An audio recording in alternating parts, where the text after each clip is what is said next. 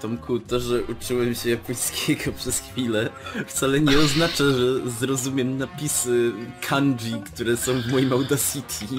Tak nie wiesz, jak kanji jest po- wyeksportuj. No właśnie, wyobraź sobie, że na tych początkowych zajęciach nie uczą w ogóle żadnych przydatnych słów. Ja jakieś Na przykład Na wyeksport. przykład wyeksportuj ścieżkę audio, no po co mi było jakiś dzień dobry, jak się nazywam i tak dalej. Ale a- z każdym Japończykiem dogadasz się, jak mu powiesz, że potrzeb, potrzebuje wyeksportować swoją ścieżkę audio. No właśnie, no i No. co, ja wejdę na forum i jak ktoś, każdy zrozumie sobie hello i, i tak dalej, no to nie trzeba do tego jakichś wielkich tych, albo przedstawienie się po angielsku czy w jakimkolwiek innym języku na migi pokazanie, jak na migi pokażę wyeksportuj ścieżkę dźwiękową, no nie pokażę, wyeksportuj to jest ważne słowo.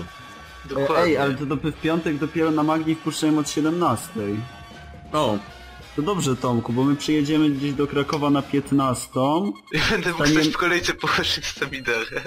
Staniemy w, staniemy w zajebistej kolejce i wejdziemy i będziemy już mieli wejściówki z głowy na następny dzień. dobra, ja będę w Krakowie o 6 rano, więc powinienem też mieć wyjściówkę łatwo do załatwienia. Ale od 8 rano wpuszczają, nie wiem jak jest... W kolejce stanie. No stanę w kolejce, tak jak wy na y, Pyrkonie. Znaczy, gdzie staliśmy w kolejce? Tak naprawdę. Właśnie o to chodzi. Nie, na Pyrkonie nie staliśmy w kolejce. Właśnie o to chodzi, że może jak będę tam o 6, to też nie będę stał w A kolejce. nie, bilety do 24 są bilety, trzeba kupić Tomku.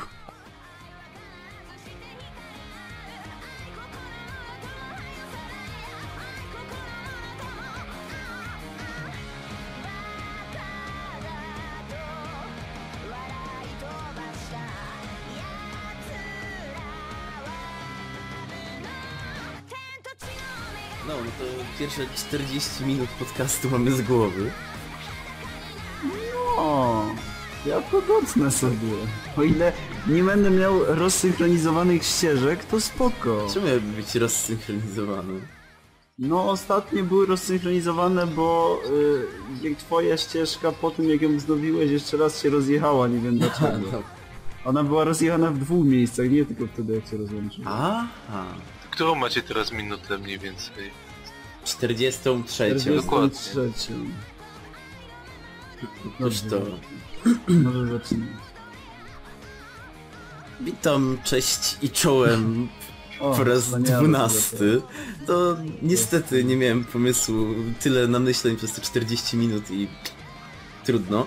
E, W każdym razie witam po raz dwunasty. No niestety mieliśmy drobną obsługę, której powodem były E, mamy, Mamy wymówkę, matury. Były, ma były matury. Dla mnie ciągle są. Znaczy, w trakcie tych matur, w trakcie tych matur robiliśmy mniej niż normalnie robiliśmy przed podcastem, ale mamy wymówkę Tak, teraz. I dlatego pierwszy raz odcinek jest opóźniony o dwa tygodnie, a nie o tydzień, bo są matura. A tak to jest opóźniony przez chorobę jednej z osób, ewentualnie przez granie w Live is Strange. Ewentualnie przez grę w WoWa, ale to... Ale o to nie, jeszcze przez, przez grę w WoWa nie opóźniony, nie przenieść. No nie, nie, to były matury. Nie, nie. To, to były matury, tak. To tak, były matury. I dokładnie, to wcale nie jest tak, że nie robiliśmy Po absolutnie drugie nic. ja nie gram WoWa, więc to nie ma Dobra. znaczenia, więc to jest złe. No ale też tak samo wszyscy nie byliśmy chorzy. No. I wszyscy nie graliśmy w Life is. Strange, więc to... To... No była to sytuacja losowa, no nie planujemy znowu pisać matur, Jak więc... nie? Ewentualnie e, jakby któremuś z nas nie poszło, to może być drobna obsuwa w sierpniu. Tak. poza, poza tym, no, no cóż, no to Nie nie, planujemy. planujemy. No, no cóż, w takim razie już jako, że sprzedaliśmy wszystkie swoje wymówki, to e, pora przejść do newsów. Oczywiście działo się całkiem... A powinni, powinniśmy mieć trochę newsów przez e, 4 tygodnie, ale nie chciałem Tak, się właśnie, tak właśnie chciałem powiedzieć, że no, przez miesiąc mogło być trochę newsów, ale niestety z reguły sprawdzam tak te newsy na tydzień przed i naprawdę forsowanie Anime News Network czy jakiejś innej strony, żeby ci pokazywało co było No miesiąc na temu, to... powiem, byśmy wam na przykład mogli powiedzieć, że wychodzi Dragon Ball Super, ale pewnie zobaczyliście to od 180 Nie, osób na ej, swojej czekaj, tablicy. wychodzi Dragon Ball Super? Co to jest? A co to? A to jest nowy film, A co nie? to Dragon to, Ball? to, to może być seria. Właśnie czym... Nowa seria? Ale to musi być kontynuacja GT, tak to. Nie, nie, nie. Nie, Zecki, nie, Zecki? Prawdziwa kon... I to jeszcze kinówki później są niekanoniczne? O nie. O mój Kto, Boże. kto na to wpadł? Kto wpadł na ten pomysł? Kto wpadł na pomysł, że to, z tej marki można zrobić jeszcze więcej pieniędzy w jeszcze głupszy No sposób? ktoś komu brakowało Jezu, pieniędzy są- na nowy ja- samochód. Zapewne. Ja, ja, ja w tym momencie odgrzebałem swoje VHS-y z lektorem. Znaczy ja mam wrażenie, że z Dragon Ballem jest tak, że to nie jest tak, że komuś bra zaczyna brakować pieniędzy, tylko ktoś sobie uświadamia, ej, ludzie kupili ostatni film i to w ogóle wielki, wielcy fani i tak dalej. Ej, ludzie, Ej, bo mi tam brakuje na jeszcze 5 metrów kwadratowych, bo mi brakuje na 5 metrów kwadratowych ściany Pokrytej- tych plików tak, tak, z banknotami, bo po prostu mam nadzieję, że będę mógł sobie to wpisać w koszta, że sobie e, pieniędzmi obijam ściany. Mam nadzieję, że I zrozumiecie. tak wiesz, ktoś po wydaniu tak samo Xenoverse stwierdził, że no w sumie tak... Ej, a jakby machnąć sobie diamentową podłogę w ogródku? I, no i powstał Dragon Ball Super, to znaczy powstaje. No, to tak to mniej więcej wygląda. No, ale my nie o tym, bo jak wspominał Lesie, pewnie widzieliście tego newsa milion razy co najmniej e, na Facebooku i na wszystkich innych portalach, które jakkolwiek zajmują się czymkolwiek. Więc y, przechodzimy do kolejnych, a tutaj opowie nam Tomasz, bo podobno za memy z Klanada można, mogą cię aresztować, albo zwolnić, są- albo coś w tym stylu. Jak każdy wie, Klanat to poważna seria, i, a w ogóle rasistowskie memy to za to trafia się do więzienia w Korei Północnej, więc za memy w z Klanata możesz trafić do więzienia. Tak, bo Hmm. ktoś wys wygrał na loterii szalone 32 dolary i od wysłał to razem komuś wiadomości razem z memem z Klanada, który uwaga, mówi tylko żeby nam kanału nie zdjęli, bo to są brzydkie słowa. Oh shit nigga. Ej, ale ja mam pytanie, ale to nie, ale to historia to nie była ta, Tak, że to był policjant. Tak, i- tak, policja.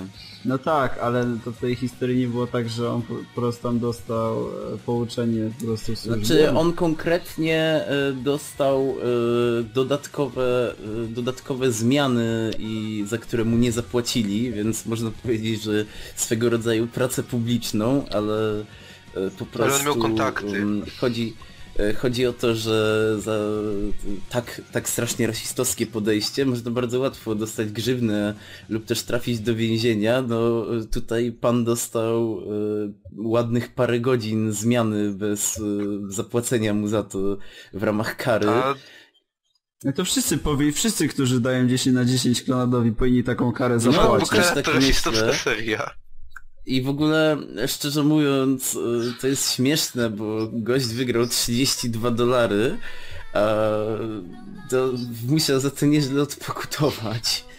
Szczególnie, że y, po prostu sobie SMS-ował, no co prawda SMS-ował mm, Ze, głosem? No jeżeli SMS-ujesz ze swoją e, szefową i jej wysyłasz e, mema i się jarając się tym, że wygrałeś te pieniądze, to znaczy ja coś wiem, może po prostu tak. szefowa nie wygrała na tej loterii żadnych pieniędzy. Ona nie wygrała nawet 35 Tak. dolarów, więc on odpracował 320. Ja tak sądzę, że to, to była po prostu czysta zazdrość i wykorzystywanie tego, że e, w Stanach Zjednoczonych e, wszystko, co może zahaczać o rasizm jest traktowane jak jest, bo oczywiście poprawność polityczna już Ej, wiele lat temu posz, wyszła W tym za momencie daleko. powinniśmy przypomnieć historię, która wyszła ostatnio na temat Wiedźmina i O, tego, że dostał obniżoną ocenę od poligonu, ponieważ kobiety w tym świecie są traktowane w sposób szowinistyczny, a także nie ma tam Tak, czarnych. i teraz, no, no cóż, y, rozumiem, że to bardzo uderza y, w pewne grupy ludzi, no bo, no cóż, słowiańskie fantazy zakrywające o takie średniowiecze, ale takie bardziej wschodnie, no logiczne, że tam przecież czarny na czarnym latynos obok latynosa, to, to jest jedna rzecz. No my byliśmy bardzo e, kulturalni, Tak. Więc przyjmowaliśmy Dokładnie, No no, właśnie. wiecie, Po że prostu, no ale wyobraźcie sobie, z Afryki, no gdzie jest najbliżej? Jak, no do Polski. szczególnie, że Jest tam taki, t- jest w Togo taki tunel i do tego tunelu się wchodzi i wychodzisz pod pałacem Chyba, że źle skręcisz, to wtedy możesz przez Ukrainę dojść do Japonii, ale Eee, tak w sumie no przecież wiadomo, że my byliśmy bardzo tolerancyjnym krajem na przestrzeni wieków i dlatego to do nas spływali, no przecież do nas spływali Żydzi, e, Żydzi byli z Izraela, Izrael to w sumie już tam niedaleko jakieś Egipty, Libie i tym podobnie, to już jest Afryka, no z Afryki są czarni, to wiadomo, że u nas byli czarni, no. To, to są suche fakty, a CD Projekt Red no, składa się z rasistów, no tam te, też pewnie głównie biali ludzie Tam pracują. tak naprawdę Ger- Geralt był czarny w książce, tylko Tak. specjalnie to zmienili.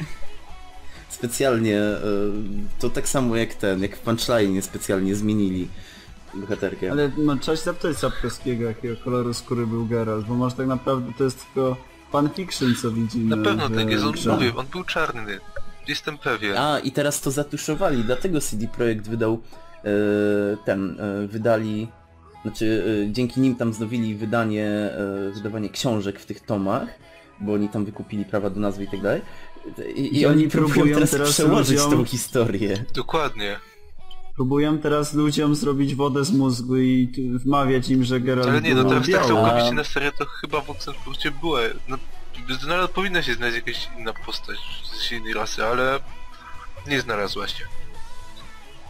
Ale też mi się bardzo podoba, jak Wiedźminie są traktowane szowinistyczne kobiety, bo w sumie są traktowane... Tak samo jak mężczyźni. E, znaczy, No zwyczajne, właśnie. e, zwyczajne kobiety są traktowane dokładnie tak... Wieśniaczki są tak samo traktowane jak wieśniacy, a w sumie czarodziejki to są... E, no, to są kobiety wyzwolone, żeby użyć takiego słowa, które no niezbyt interesuje ich pozycja. No No widzisz, tak, bo Właściwie niewiele ich No, interesuje. czarodziejki niewiele interesuje, one wolą siedzieć, zajmować się swoimi badaniami, ewentualnie czymś kierować z ukrycia, więc kogoś bardzo zabolała pewna część ciała o to, że zwykłe kobiety są traktowane tak jak faceci, bo to nie jest równouprawnienie, tylko szowinizm, bo równouprawnienie to feminizm, wiadomo. I kogoś też bardzo zabolało, że te czarodziejki, skoro tyle mogą, to nie próbowały jeszcze zawładnąć światem i wyzwolić innych kobiet, tylko mają na głowie swoje sprawy, takie jak, nie wiem, d- Na długość przykład takie rząd, Tak. wojna. Pod... W takim emancypację można kobiet. nie musieć gotować no głosić, no, głosić emancypację ko- kobiet, tak? No właśnie, to, to nie wiem, kto się w tym czasie zajmuje jakąś wojną, no, albo swoimi badaniami mogącymi ci dać, nie wiem, nieśmiertelność. Nie, nie, nie, to najpierw trzeba wyzwolić każdą osobę, każdą jedną wieśniaczkę, ma być traktowana jak królowa, a jej mąż jak szmata i wtedy będzie równouprawnienie. To, to, to, to, to wszystko inne to jest kłamstwo. No w każdym razie, po. Po prostu, jak słyszycie, szanujemy tak, szanujemy poligon. poligo- bardzo. Human touch, hashtag. Tak. Bardzo, ci ludzie wryli się w nasze serca. Czy nie, nie mówię też absolutnie źle o poligonie, bo to jednak tam ten autor ma trochę coś z głową, a potem nawet bronił swoich tez na Twitterze, jak był obrażany przy okazji przez Chmielarza. Więc no, powiedzmy, że to nie jest tylko tak, że to jest wina poligona, ale koleś ewidentnie Znaczy, jest... wina poligonu jest tylko pośrednia, Ciekawe. ale może oni nie wiedzieli, kogo zatrudniają. Wina poligona jest taką, że go Że mu płacą, że go, za za, ten za, tekst. że go No po zatrudnili. prostu sobie bo- żartował, a nikt nie zrozumiał żartu, tak? Tak, nikt nie zrozumiał żartu. Taki, ot, taki czarny humor. O, co on, o, co- po prostu on sobie żartuje w każdej tak, recenzji, no, której to jest przekaże taki humor, no. Tak, takie poczucie humoru Wiesz, ma. Bo to ktoś mu powiedział, że jeśli żart nie jest śmieszny, to trzeba go dużo razy powtarzać i się z niego śmiać, aż w końcu ludzie powiedzą, że jednak jest śmieszny. No tak. Coś, w tym jest, to nie?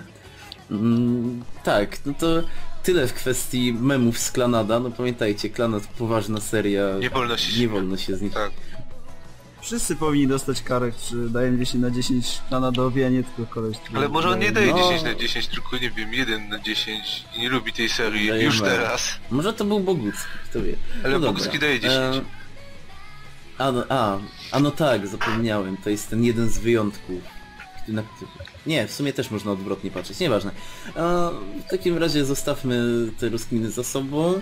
A kolejny news, może nie jakiś wielce, e, wielce wybitny i zaskakujący, ale warto o tym wspomnieć, ponieważ jest o najlepszej serii w tym sezonie, od najlepszego studia. Czy, Wiele zmieniliśmy zdań po tym sezonie, ale tego tego jednego jednego Tego nie nigdy nie zmienimy. zmieni. Po prostu. nigdy. Nigdy. Intriguer with Najlepszą Trust. serią jaka wychodzi w tym sezonie jest Ninja Slayer from Animation, które ku zaskoczeniu wszystkich dostanie angielski dubbing. E, Nie jest to zaskakujące, zwłaszcza, że w Funimation dubbinguje jakieś 3 czwarte swoich serii. Nawet e, pragnę zaznaczyć, że w poprzednim sezonie pierwszy dubbing, który zapowiedzieli dotyczył Absolute Duo. E, więc to, że Ninja Slayer dostaje nie jest może czymś niesamowitym, jednak wartym odnotowania. Bo ta seria taka jak Ninja Slayer dostaje dubbing. A w ogóle Ninja Slayer wygląda coraz lepiej. Ja ciągle się skłaniam, skłaniam się coraz bardziej do tego, że on Znaczy będzie on po 13 wyglądał odcinku tak- będzie wyglądał normalnie, bo to będzie już seria TV. A, a na 26 to zobaczymy takie fajerwerki, że... Właściwie chciałbym zobaczyć ten dubbing, no ale film niestety jest niedostępny w moim A, kraju. spokojnie, pewnie będą fragmenty na YouTubie. Znaczy niedostępne w naszym kraju. Tak, jest... A, a no Nie, no, cóż, na pewno ktoś zripuje i wrzuci na jakieś online. pewnie Albo tak, kto wie. Czy coś. Event... Ej, ale chwila, na Kisa Nim przecież zawsze wrzucają wszystko z dubbingiem. To no wrzucą. Tak, będę, będę zrewatchuję, żeby Ej, zobaczyć nie no, wersję Ninja Slayera nie zrewatchujesz. Eee, tutaj, czekaj. E, Ninja, Slay... Ninja Slayerowi będzie podkładał ten sam gość, co podkładał głos w Vegecie w Dragon Ballu, bo tyle gdzieś tam wyczytałem. O, Vegeta też mówił Ninja Slayer. Tak, on, on mówił e, ten, Goku Dono. nie, Vegeta Dono. Vegeta Dono. Vegeta Dawn. Tak, tak, tak. e, Watashi Vegeta, no. Dono. No w każdym...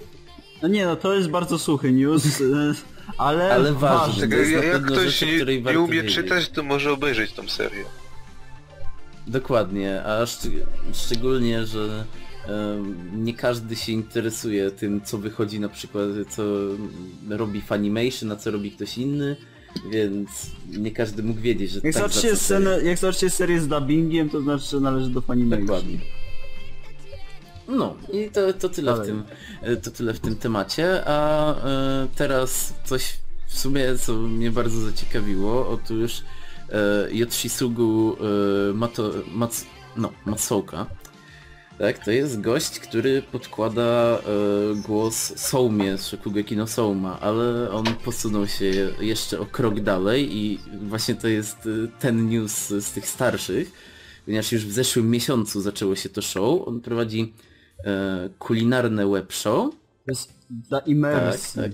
Kulinarne web show już ma dwa odcinki, w którym e, ubiera sobie opaskę na, na czoło i próbuje gotować jak Souma. Poprze, jak z tego co zauważyłem, każde show jak na razie zaczynało się od bardzo wykwintnego dania. Otóż w pierwszym odcinku e, była to, były to kawałki ośmiornicy w maśle orzechowym, w tym odcinku były to już kawałki ośmiornicy w miodzie. E, nasz e, aktor głosowy y, przygotowywał, robił, smakował, jak widać smakował tak samo ok okropnie jak w anim. Brzmi jak świetna Tak, zabawa. e, to już jeśli kogoś to trochę interesuje, to może zobaczyć, ponieważ no cóż, dalej powtarza, stara się powtórzyć te dania, które właśnie robił Souma. Więc y, jeśli kto, kogoś interesuje Shokugeki no Souma od strony takiej bardziej kulinarnej, czy to faktycznie wszystko tak wygląda jak było, czy to nie jest żaden bullshit, tylko po to, żeby zastąpić y, walki w szonenie gotowaniem i to tak naprawdę nie ma racji bytu, to może sobie pooglądać jak to wygląda, jakie są reakcje po spróbowaniu i tak dalej. To... Ale ktoś też w internecie chyba robił ten... Te E, dobre. Tak, na YouTubie też, e, tak, na YouTubie też ktoś robił e, te, Przecież tak. ludzie robili przepisy z Koufuku No grafiki właśnie. na Tak, tak, tak. Tylko tu jest o tyle ciekawie, że robi to gość, który sobie e, głos e, podkłada. Więc możemy się poczuć prawie jakbyśmy oglądali to anime na żywo. Jak live No, action. i... Tak, live action, w ogóle... Czyli tak, live action. action, on sobie tam siedzi, y, robi to wszystko, podśpiewuje sobie opening Shokugeki no Souma pod nosem. Ogólnie jest bardzo przyjemnie, więc miłe, żeby się zapoznać. Polecasz, polecasz tego Oczywiście, polecam tego Allegrowicza jak najbardziej. y, Bardzo szybka przesyłka, ładnie zapakowane, niskie ceny. No, a e, dalej, dalej i dalej mamy coś, na co czekaliśmy naprawdę bardzo, bardzo i jeszcze bardziej, ponieważ jest to Blu-ray Box Yoshiraku. Y, Byśmy powiedzieli wam, że go zamawiamy, ale nie, Nie, wiemy wiem jak ile kosztuje, tak. bo jeszcze nie wyszedł. Nie ma tej informacji nigdzie. Ale wychodzi przede wszystkim manga, która będzie one-shotem i ma stanowić kontynuację wydarzeń z Yoshiraku. Jakkolwiek, Jakkolwiek to bo brzmi. oczywiście jak nam ktoś już y, parę razy zarzucił, Yoshiraku jest bardzo złą serią, bo nie ma ciągłości fabularnej. A, kontynuacja wychodzi, więc jakaś ciągłość Ale jest. kontynuacja wychodzi, więc ciągłość Może po prostu to jest zła adaptacja. Albo ktoś, kto to mówił, nie zauważył tej ciągłości fabularnej, bo na przykład nie ma humoru. A, to, to inna sprawa. Na przykład. Ewentualnie. Ale moment. O Jezu. Ej, bo tego nie mówiliśmy, że jak rozmawialiśmy jeszcze przed odcinkiem. To wychodzi na 8 Blu-rayach, które będą zawierać 13 No, odcinków. Najwyższa jakość, w najlepszej 5 cenie. tysięcy. Nie no, jeśli się zmieści powiedzmy w 300 dolarach, to może byśmy wzięli do naszego wirtu- wirtualnego studia, co nie? Nie no, wiesz co, może dolar za Blu-raya będzie się... No, Tak, e, ale powiem wam, JC Staff imponuje mi tym wydaniem i coraz bardziej Coraz bardziej to studio zyskuje no, JC nasze- Staff po prostu tyle już zyskało na figurkach i wszystkim z Hestią, że nie ma co robić z pieniędzmi. JC Staff to jest takie ok studio, ono nie jest jakieś super wybijające Nie. się. Okej, studio mi to już było powiedziane z mappa. Do, dobra, ale nie, mapa Ma- to jest takie, takie, takie, mm, wiesz, takie co jest z daleka i takie, o, fajnie, że jest i tak dalej, a JC Staff to nie jest, to jest takie bez żadnych emocji, to jest takie, a, okej. Nie no, mappa to taki ziomek, co robi wszystko na swój sposób, ale nie zawsze mu wychodzi. To jest taki ziomek, który często robi coś na odwiedzie, ale... Czy robi coś od Tak, ziomeczków Nie zawsze mu wychodzi, ale w sumie fajnie, że się Mappa, stara. właśnie, mapa to jest taki okej ziomeczek, to jest koleś, którego gdzieś po drodze spotkasz i to nie jest twój znajomy, ale czasem dorzuci ci się do piwa, albo ty mu raz pomożesz, on tobie i ogólnie jest taki fajnie go znać z widzenia. A y, ten, a JC Staff to jest taki, taki, taki, taki okej, taki wiesz, taki koleś, który po prostu siedzi i robi w sumie to, co do niego należy i nie wyróżnia się jakoś szczególnie, ale jeszcze niczego, jeszcze niczego za bardzo nie, nie zjebał, aż tak jak można by było. No a teraz, a teraz tak dostał sobie- szansę na on tak sobie siedzi i czasem ma jakieś takie słabsze oceny, czasem lepsze i, i w sumie nie interesuje się światem. I teraz, I teraz właśnie ktoś tego ziomeczka wprowadził do... nie ziomeczka, tylko ten, to JC Staff wprowadził do ekipy i on nagle się zaczyna otwierać na świat. I póki co jest I dobrze. robi to dobrze właśnie. I robi to dobrze, ale może dlatego, że się jeszcze wstydzi. To studio istnieje od x lat, ale dopiero po, ostatnio zaczęło nam się ba No bardziej dokładnie, więc można powiedzieć, że oni pracowali umacniając swoją pozycję, żeby się wybić. No tak, no i tak właśnie stabilnie to robili i tak nagle... O, oni istnieją. Hasło na dziś, praca u podstaw. No. I No, to znaczy, zrobili Zero no Tsukajmy, no coś tam jakieś dubali, serię, która nas nie interesuje jak Bakuma, no damy Cantabile. No, słyszeliście może. Bo, ale my, tylko ze słyszenia. Znaczy... Z... No, my oglądaliśmy Zero no Dokładnie. Tsukajmy. E, Najlepszą ich pozycję. e, tak, tak, tak. A niestety, to znaczy ostatnio się coraz bardziej przekonuję do Bakumana, ale pewnie trafi na moją listę kiedyś, kiedyś, a ta lista to jest e, wieczne przesuwanie się Nie no, Bakuman, coraz dalej w. Bakuman to taki przyjemny shonen. Tak trochę jak Soma, bo to w sumie Battle Shonen na rysowaniu mang, tylko trochę mniej battle. Aha, taki, Mniej bacy, Znaczy mniej nie no, shonen. shonen, taki battle shonen, tylko że tak troszeczkę mniej shonen i jeszcze bardziej mniej battle. nie no, to jest mocno shonen, to znaczy to jest... To byłby Battle Shonen, gdyby... Znaczy, No. dobra, nie, nie, po, powiedzmy sobie szczerze, to są okruchy życia. dobrze, tak. Dokładnie, tak. Myślę, że masz rację. Pamiętaj, jak nie wiesz co powiedzieć, powiedz, co E, okruchy zawsze możesz z tego wybrnąć. Cokolwiek. Musisz po prostu powiedzieć, że to są po prostu okruchy życia o tym, co jest w serii. I, i koniec. Pozamiatane. No i myślę, że e, o Blu-rayu e, Yoshiraku to może na tyle. No 6 płyt to dosyć sporo na te 13 odcinków. Ja nie wiem co. oni- Osiem. A Osiem. 8. I to nawet Ja nie wiem co oni tam chcą wrzucić. To... owa jest jeszcze no to 14, ale to i tak... Niektóre... Ale 13 jest za. 13 jest z obą. To 13 jest owa, To 12 nawet na zakładając jakby pakowali dwa odcinki na Blu-ray. Po półtora odcinka. Nie no, pakują dwa odcinki na Blu-ray załóżmy, no to mamy sześć i, poło- i jeszcze w siódmym dysku jeden. Co będzie na, na ósmym w takim razie? Soundtrack? Będzie, będzie ending Yoshiraku Moment, mo- wersja 100 godzinna. Deb...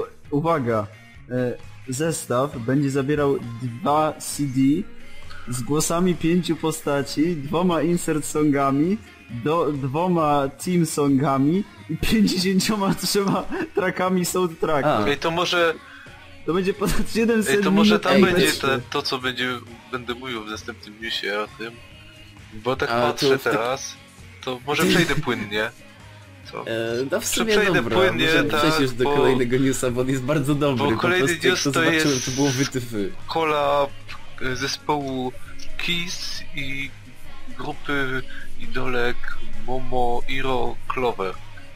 I ta teraz grupa Momo pytanie. Iro Clover właśnie z tego co widzę robiła opening chyba do Yoshiraku albo ending albo w E, jakąś tak, muzykę. tak, tak, e, robiła coś, coś do ale w ogóle to jest dobre, kiedy tak sobie przeglądasz Anime Network i tak patrzysz, hmm, nie znam tej grupy, ale co tu robi Kiss? No dokładnie.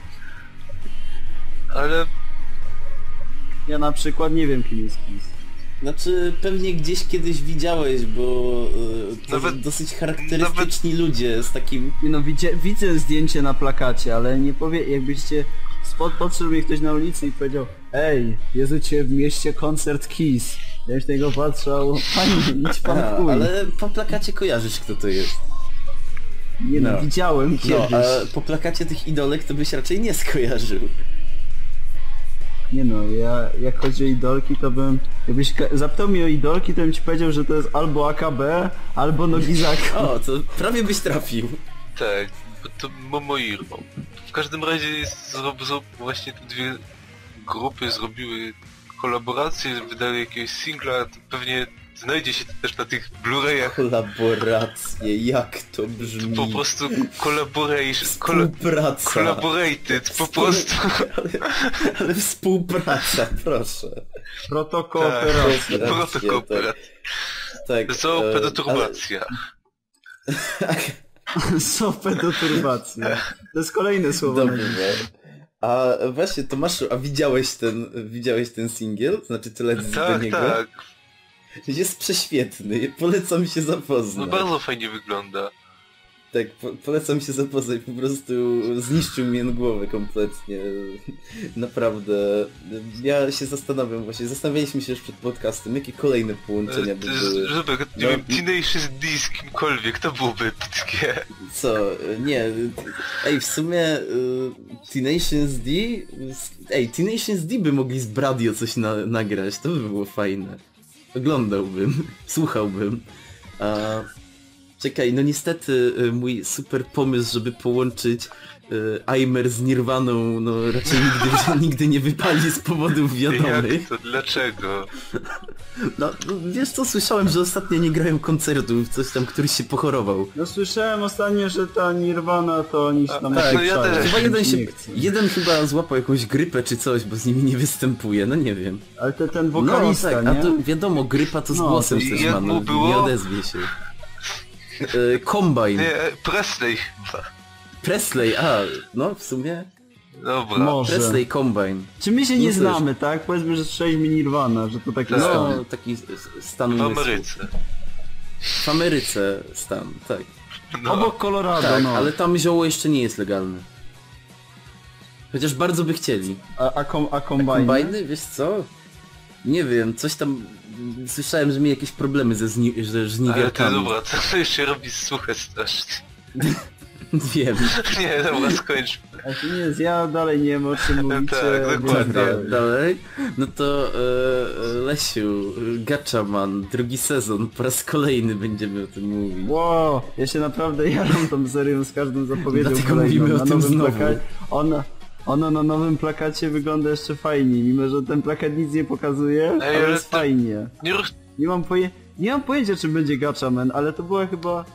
Było najlepsze takie 7 na 10 jak wychodziło. Ale Hmm, czyli godne polecenia. Ale tak patrzę, to ten plakat nie różni się chyba od pierwszego tego. A c- Nie, przecież zobacz, masz No widzę, nowe postacie są, ale też stoją na tle tego samego budynku, nie? No są nowe... Jest jakiś kosmita na środku. Najbardziej mnie ciekawi cały czas to, że OD jest na tym A plakacie. s- czemu miałoby go nie być?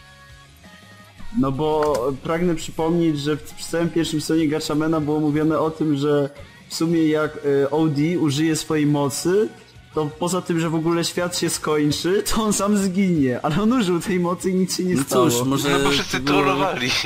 Może to była bardzo mocna propaganda. Dokładnie. Może on był jak ten, on był jak y, King z One On Punch był Mana. takim symbolem, którym straszyli po prostu złoczyńców. Tak jak symbolem był Zero. Tak. Nie wiem, ale mówię, jestem...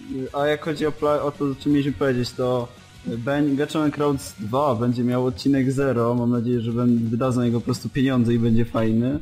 I co jest zdecydowanie najważniejsze i przeważne w tym roku odnośnie walki o najlepszy opening roku, to opening znowu robi White Ash, które nie mam pojęcia, czy zrobiło coś poza openingiem do pierwszego sezonu, ale jest to fenomenalny opening, który po półtora roku dowiedziałem się, że jest po angielsku. O, Ale Gashama to w ogóle ciekawa seria, bo jak wychodził pierwszy sezon, to o, tej, to o tym praktycznie nic nie było wie wiadomo. No właściwie nikt praktycznie tego nie oglądał. Ja zacząłem od drugiego odcinka, bo zacząłem, że jest kreska. To, Znaczy- to spoko.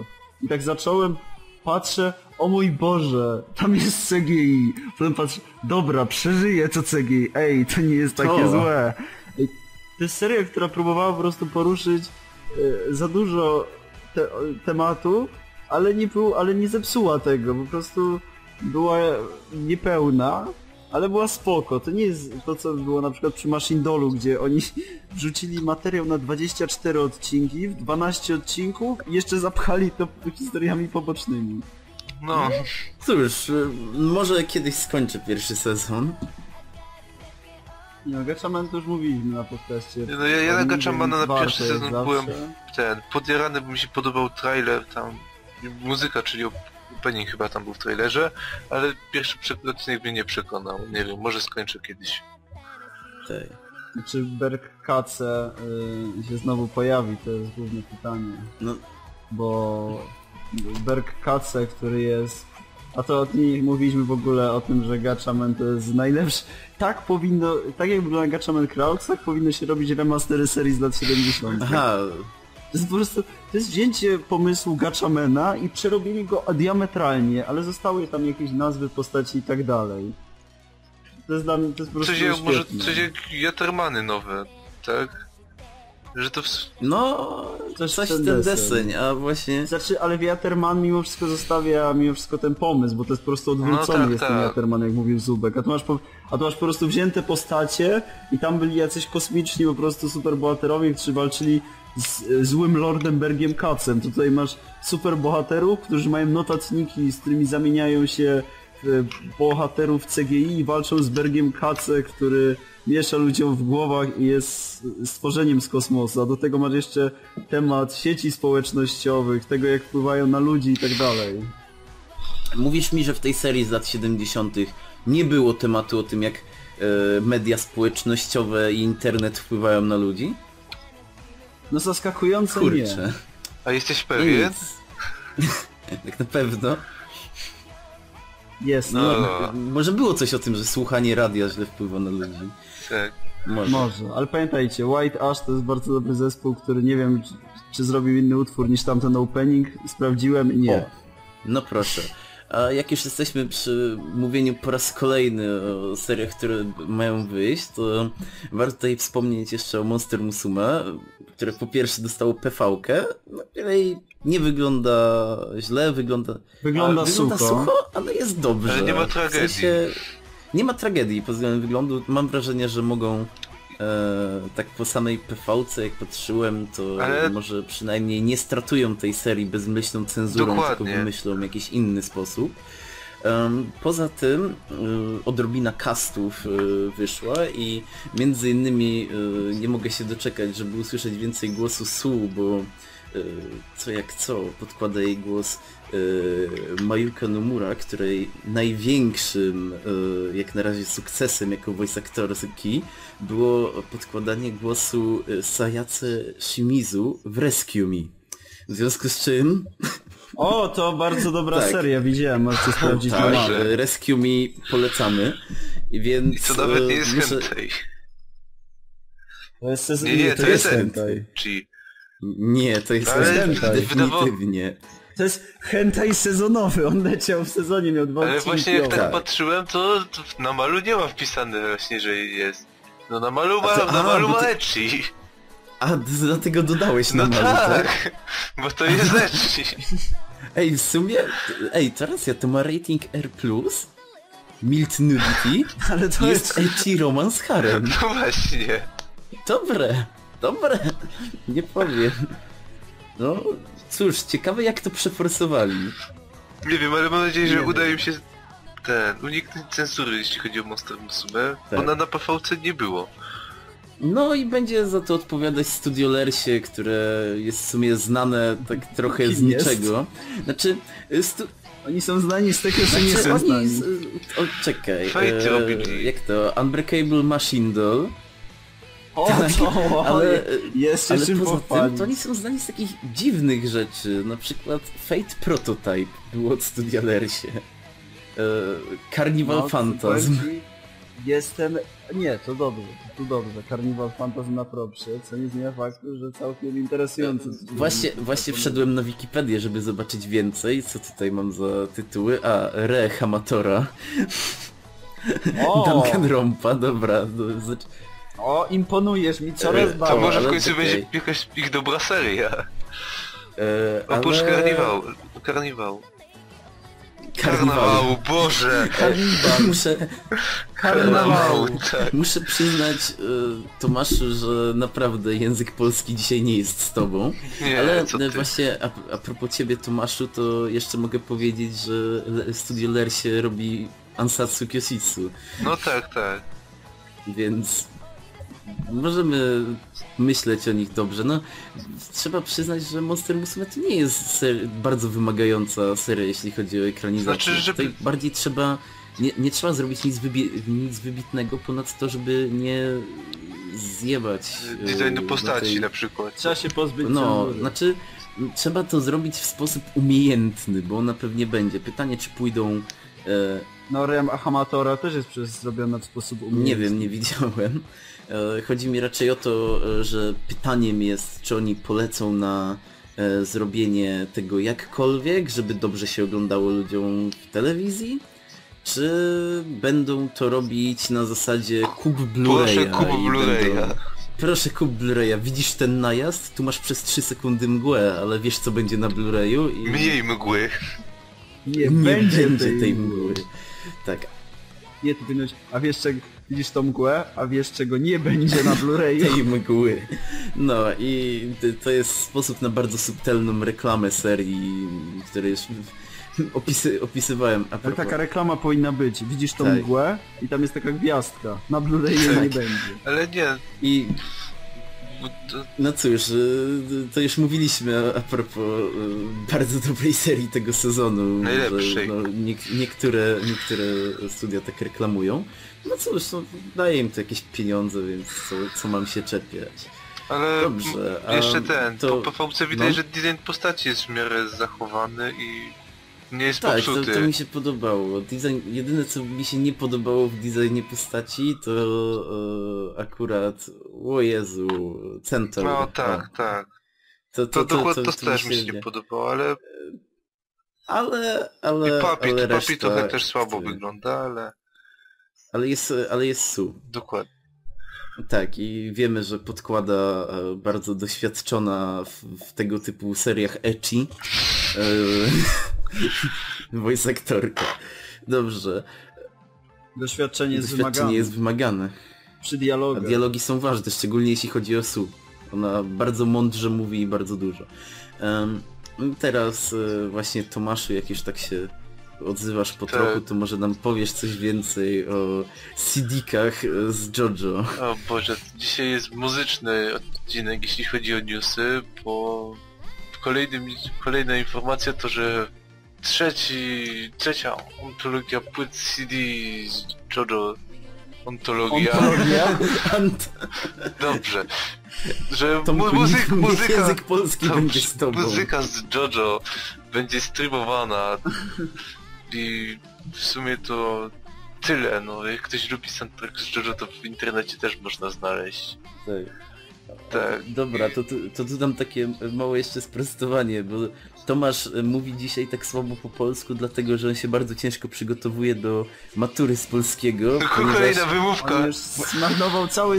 On już zmarnował cały swój potencjał tak, zmarnował językowy. cały swój potencjał językowy, bo tak trochę powiedzieliśmy, że już jesteśmy niby po maturach, ale wszyscy poza Tomaszem, bo Tomasz ma jeszcze jedną w poniedziałek. Tak, Zdarza Zdarza się. się. niestety. No, No. tak. I No. coś, coś jeszcze o tych płytach chcesz po powiedzieć? W sumie niedużo. Że powstają, powstają. będą streamowane i mają bardzo ładne plakaty, okładki i sz- szaty, szaty płyty JoJo graficzne. No nawet dochodzi do jednych, widzę talię kart Tarota z JoJo. O, W sensie- to nie, to...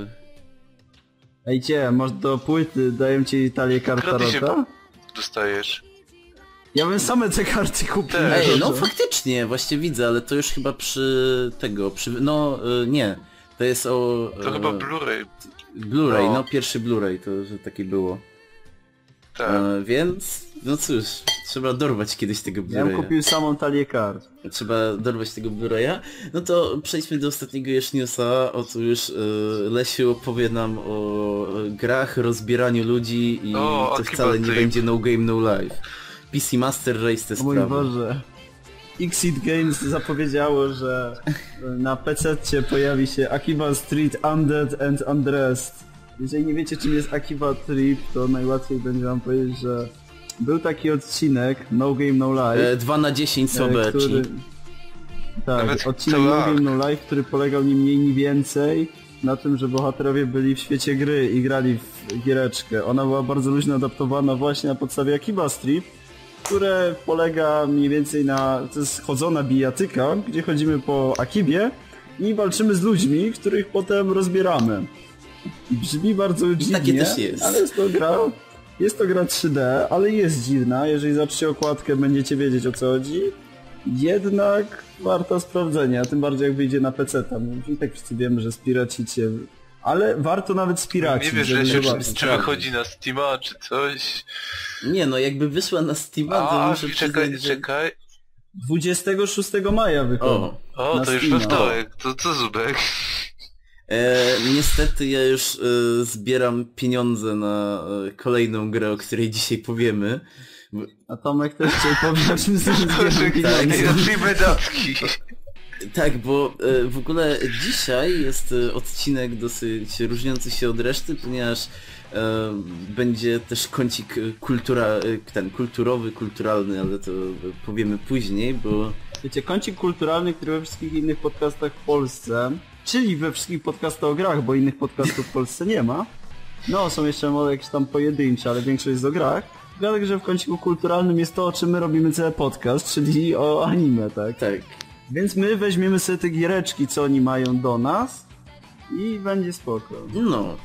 I, e, ale zanim to się stanie, bo to sobie zostawmy na koniec, to e, może e, mamy, znaczy mamy takich kilka sprostowań, bo jak pamiętacie nagraliśmy taki bardzo długi podcast ostatnio, dając nasze Jeszcze zanim do tego przejdziemy, bo jeszcze za ten A, jeszcze jest ten. wiedzówka. A, a, dobra, wiedzówka.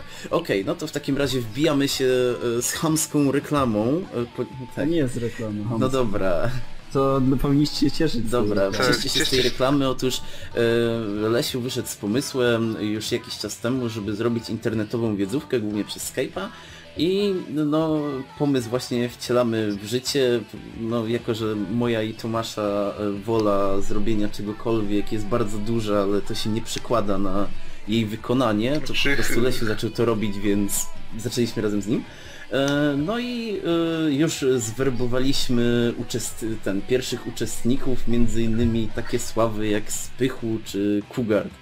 W związku z czym e, liczymy, no dobra, nie oszukujmy się, liczymy też na trochę wyświetleń, ale głównie Dobra, żebyśmy się pobawili. Zubek to, da, Zubek to daje źle powiedzieć. No Nieważne. To teraz ja kontynuuję. E, Dokładnie cały zamysł jest dość e, prosty, bo bardzo lubimy wiedzówki, a dużo osób po prostu nie jeździ na konwenty, więc chcemy sobie taką zrobić. A jako, że chcemy po prostu, żeby dużo osób mogło się bawić, no bo jednak najfajniej na wiedzówce walczyć z żywymi ludźmi, bo jak to tak, że sobie będziesz odpowiadał? I to jest niefajne. Więc chcieliśmy dać taką możliwość i zaprosić innych do zabawy, dlatego poprosiliśmy paru youtuberów, żeby wzięli udział. Mamy nadzieję, że nie stchórzą i się pojawią. I będą fajne nagrody i każdy będzie mógł wziąć udział, tylko jest, jesteśmy w trakcie Wymyślania ogarniania wszystkiego i mniej więcej mam nadzieję, że około początku czerwca będziemy mogli zaczynać. Więc jeżeli będziecie chętni, to na pewno piszcie po prostu do nas, a my zrobimy jeszcze do tego tematy, napiszemy na wszystkich grupach, ale będzie fajnie, możecie się przygotować psychicznie. Tak. Na pewno. A wszystkie zasady i tak dalej pojawią się, bo będzie u nas na kanale oddzielny film odnośnie Tak, tego. i na pewno e, spokojnie, nie musicie się martwić, bo jesteśmy w stanie przyjąć dosyć e, spore grono ludzi i je ogarnąć, więc e, na Baza pewno... pytań będzie spora. Baza pytań będzie spora, może być sporo ludzi, coś fajnego będzie do Będzie wygrania. bardzo... I jak nie macie wiedzy, to spokojnie, tu liczcie tylko szczęście. Dokładnie, bo e, no, na niektóre pytania można po prostu tylko i wyłącznie strzelić, a na inne logicznie pomyśleć, więc Baza szczęście. pytań jest tak hardkorowa, że i tak jeżeli ktoś coś wie, to prawdopodobnie nic mu to nie. Dokładnie. Więc e, no cóż, e, to tyle o wiedzówce. Jeśli chodzi o nagrody, to powiemy, Pojawią powiemy, się pojawią się. Postaramy się coś wygrać na tym, na e, Magni, bo to jest kolejna rzecz taka, którą na szybko chcieliśmy wtrącić. Otóż będziemy na Magnifikonie, bo jak mówiliśmy, konwenty nam się bardzo spodobały. I na tym Magnifikonie znowu pozwiedzamy wiedzówki i tym podobne. Może, może nas gdzieś zobaczycie nawet, bo już będziemy w firmowych No. t-shirtach. A ile to le- dojdą? No, jeżeli ktoś... I o ile to idą. A, dalej zosta zostaje to, że trzeba do nas podejść na konwencję. E, tak, dalej, e, powiem wam tak, dalej szukam jakiejś mangi alkoholu, jeszcze jej nie znalazłem. Ale my znaleźliśmy. E, a, no, chyba, że... Ale jej się kupić nie da. Ej, a jest manga bartendera? Chyba jest. Ej, Możliwe. Jestem To- prawie pew... Sprawdzę. Jeżeli jest to manga bartendera, nieważne, jeżeli nie wiecie o co chodzi, znajdźcie to w starych odcinkach. Na pewno sprawdzicie. tak, Tak. będzie e, manga bartendera. O ile jest. E, w razie, o ile jest, e, w razie czego jakoś, jakimś cudem ją ściągniemy, nie wiem, nie wiem jak, ale jakoś ten. E, I tutaj od razu Jest, Ej, jest. ale żeby nie, ej, ale żeby nie było, że e, Pinki do nas poje, pojedzie. Nie przyjedzie. Nie przyjedzie, Pinki, spokojnie. dobrze, okej. Dzięki, ale bo wyślę swojego padawana jakiegoś. Aha, no tak. E, Nie no, to w razie czego o, o, o konkursie jest ten, o konkursie e, jest w którymś z poprzednich odcinków. A na Magni zapraszamy, bo z tego co czytaliśmy atrakcje będą fajne, PZTA znowu się postarało. Będzie fajniej niż na Pyrkonie, o którym nawet nie mówimy na Tak, podcaście. będzie fajniej niż na Pyrkonie, bo no, no cóż, Ale byliśmy, było, było fajnie, ale nie do końca. no niestety Znaczy, fajna impreza, ale nie do końca. To jest bardziej taki event do pochodzenia sobie ze znajomymi na zasadzie em, powie, powiedzmy tak, przeciętny konwent to jest impreza, w której bierzesz czynny udział e, i jest naprawdę fajnie, bo tu wiedzówki, tu panele, tu coś tam, a chodzenie po Pyrkonie to jak chodzenie po takiej galerii handlowej, tylko że bardziej skierowane, e, skierowanej w odpowiednią niszę, więc tak sobie chodzisz, oglądasz, chodzisz ze znajomymi, e, nie wiem, coś popatrzysz, e, coś sobie pogadasz, no ale tak w sumie nie czujesz się jakbyś brał udział w czymś większym. Więc e, było fajnie, ale to nie było to, czego się spodziewaliśmy. No. No, to tyle w tematach takich około konwentowych i w ogóle. Zapraszamy na Magnificon, tak przy okazji Tak, zaprasza, zapraszamy na Magnificon, tak, e, jakby ktoś chciał. A mm, wracając do naszych wrażeń, to właśnie, jak już wspominałem, nagrywaliśmy w ostatnim bodajże odcinku nasze wrażenia po pierwszych odcinkach różnych serii i tutaj chcieliśmy parę rzeczy sprostować, bo odnośnie kilku tytułów zmieniło się to bardzo mocno. Nie zmieniło się przy Ninja Slayerze, chociaż wygląda on z odcinka na odcinek coraz lepiej. No Ninja Slayer po prostu przebija skalę, już jest ponad 10 na Tak. 10, ale do 11 jeszcze nie doszło. Dokładnie. A my powiemy o e, zawodach oraz e, zaskoczeniach, tak, rozczarowaniach i tym podobnych, jakie mamy na półmetku. Nie, o zawodach, zawodach, kiedy coś cię zawiedzie. Mo, nie wiem, czy mogę tak powiedzieć. Mogę. Dobra, e, najpierw zaczniemy od małego, może nie tyle rozczarowania, co wytyfy, czyli Plastic Memories. Jako, Nie że nie oglądałem... zubek. Dobra, jak Nie takie małe, to Powiem tak, e, dzięki, dzięki Lesiowi i Tomkowi znam wszystkie odcinki tej serii na wylot, ponieważ e, dzieje się tam tyle rzeczy, że słuchając samych komentarzy oraz śmiechów można wiele wywnioskować, ewentualnie czytając Reddita.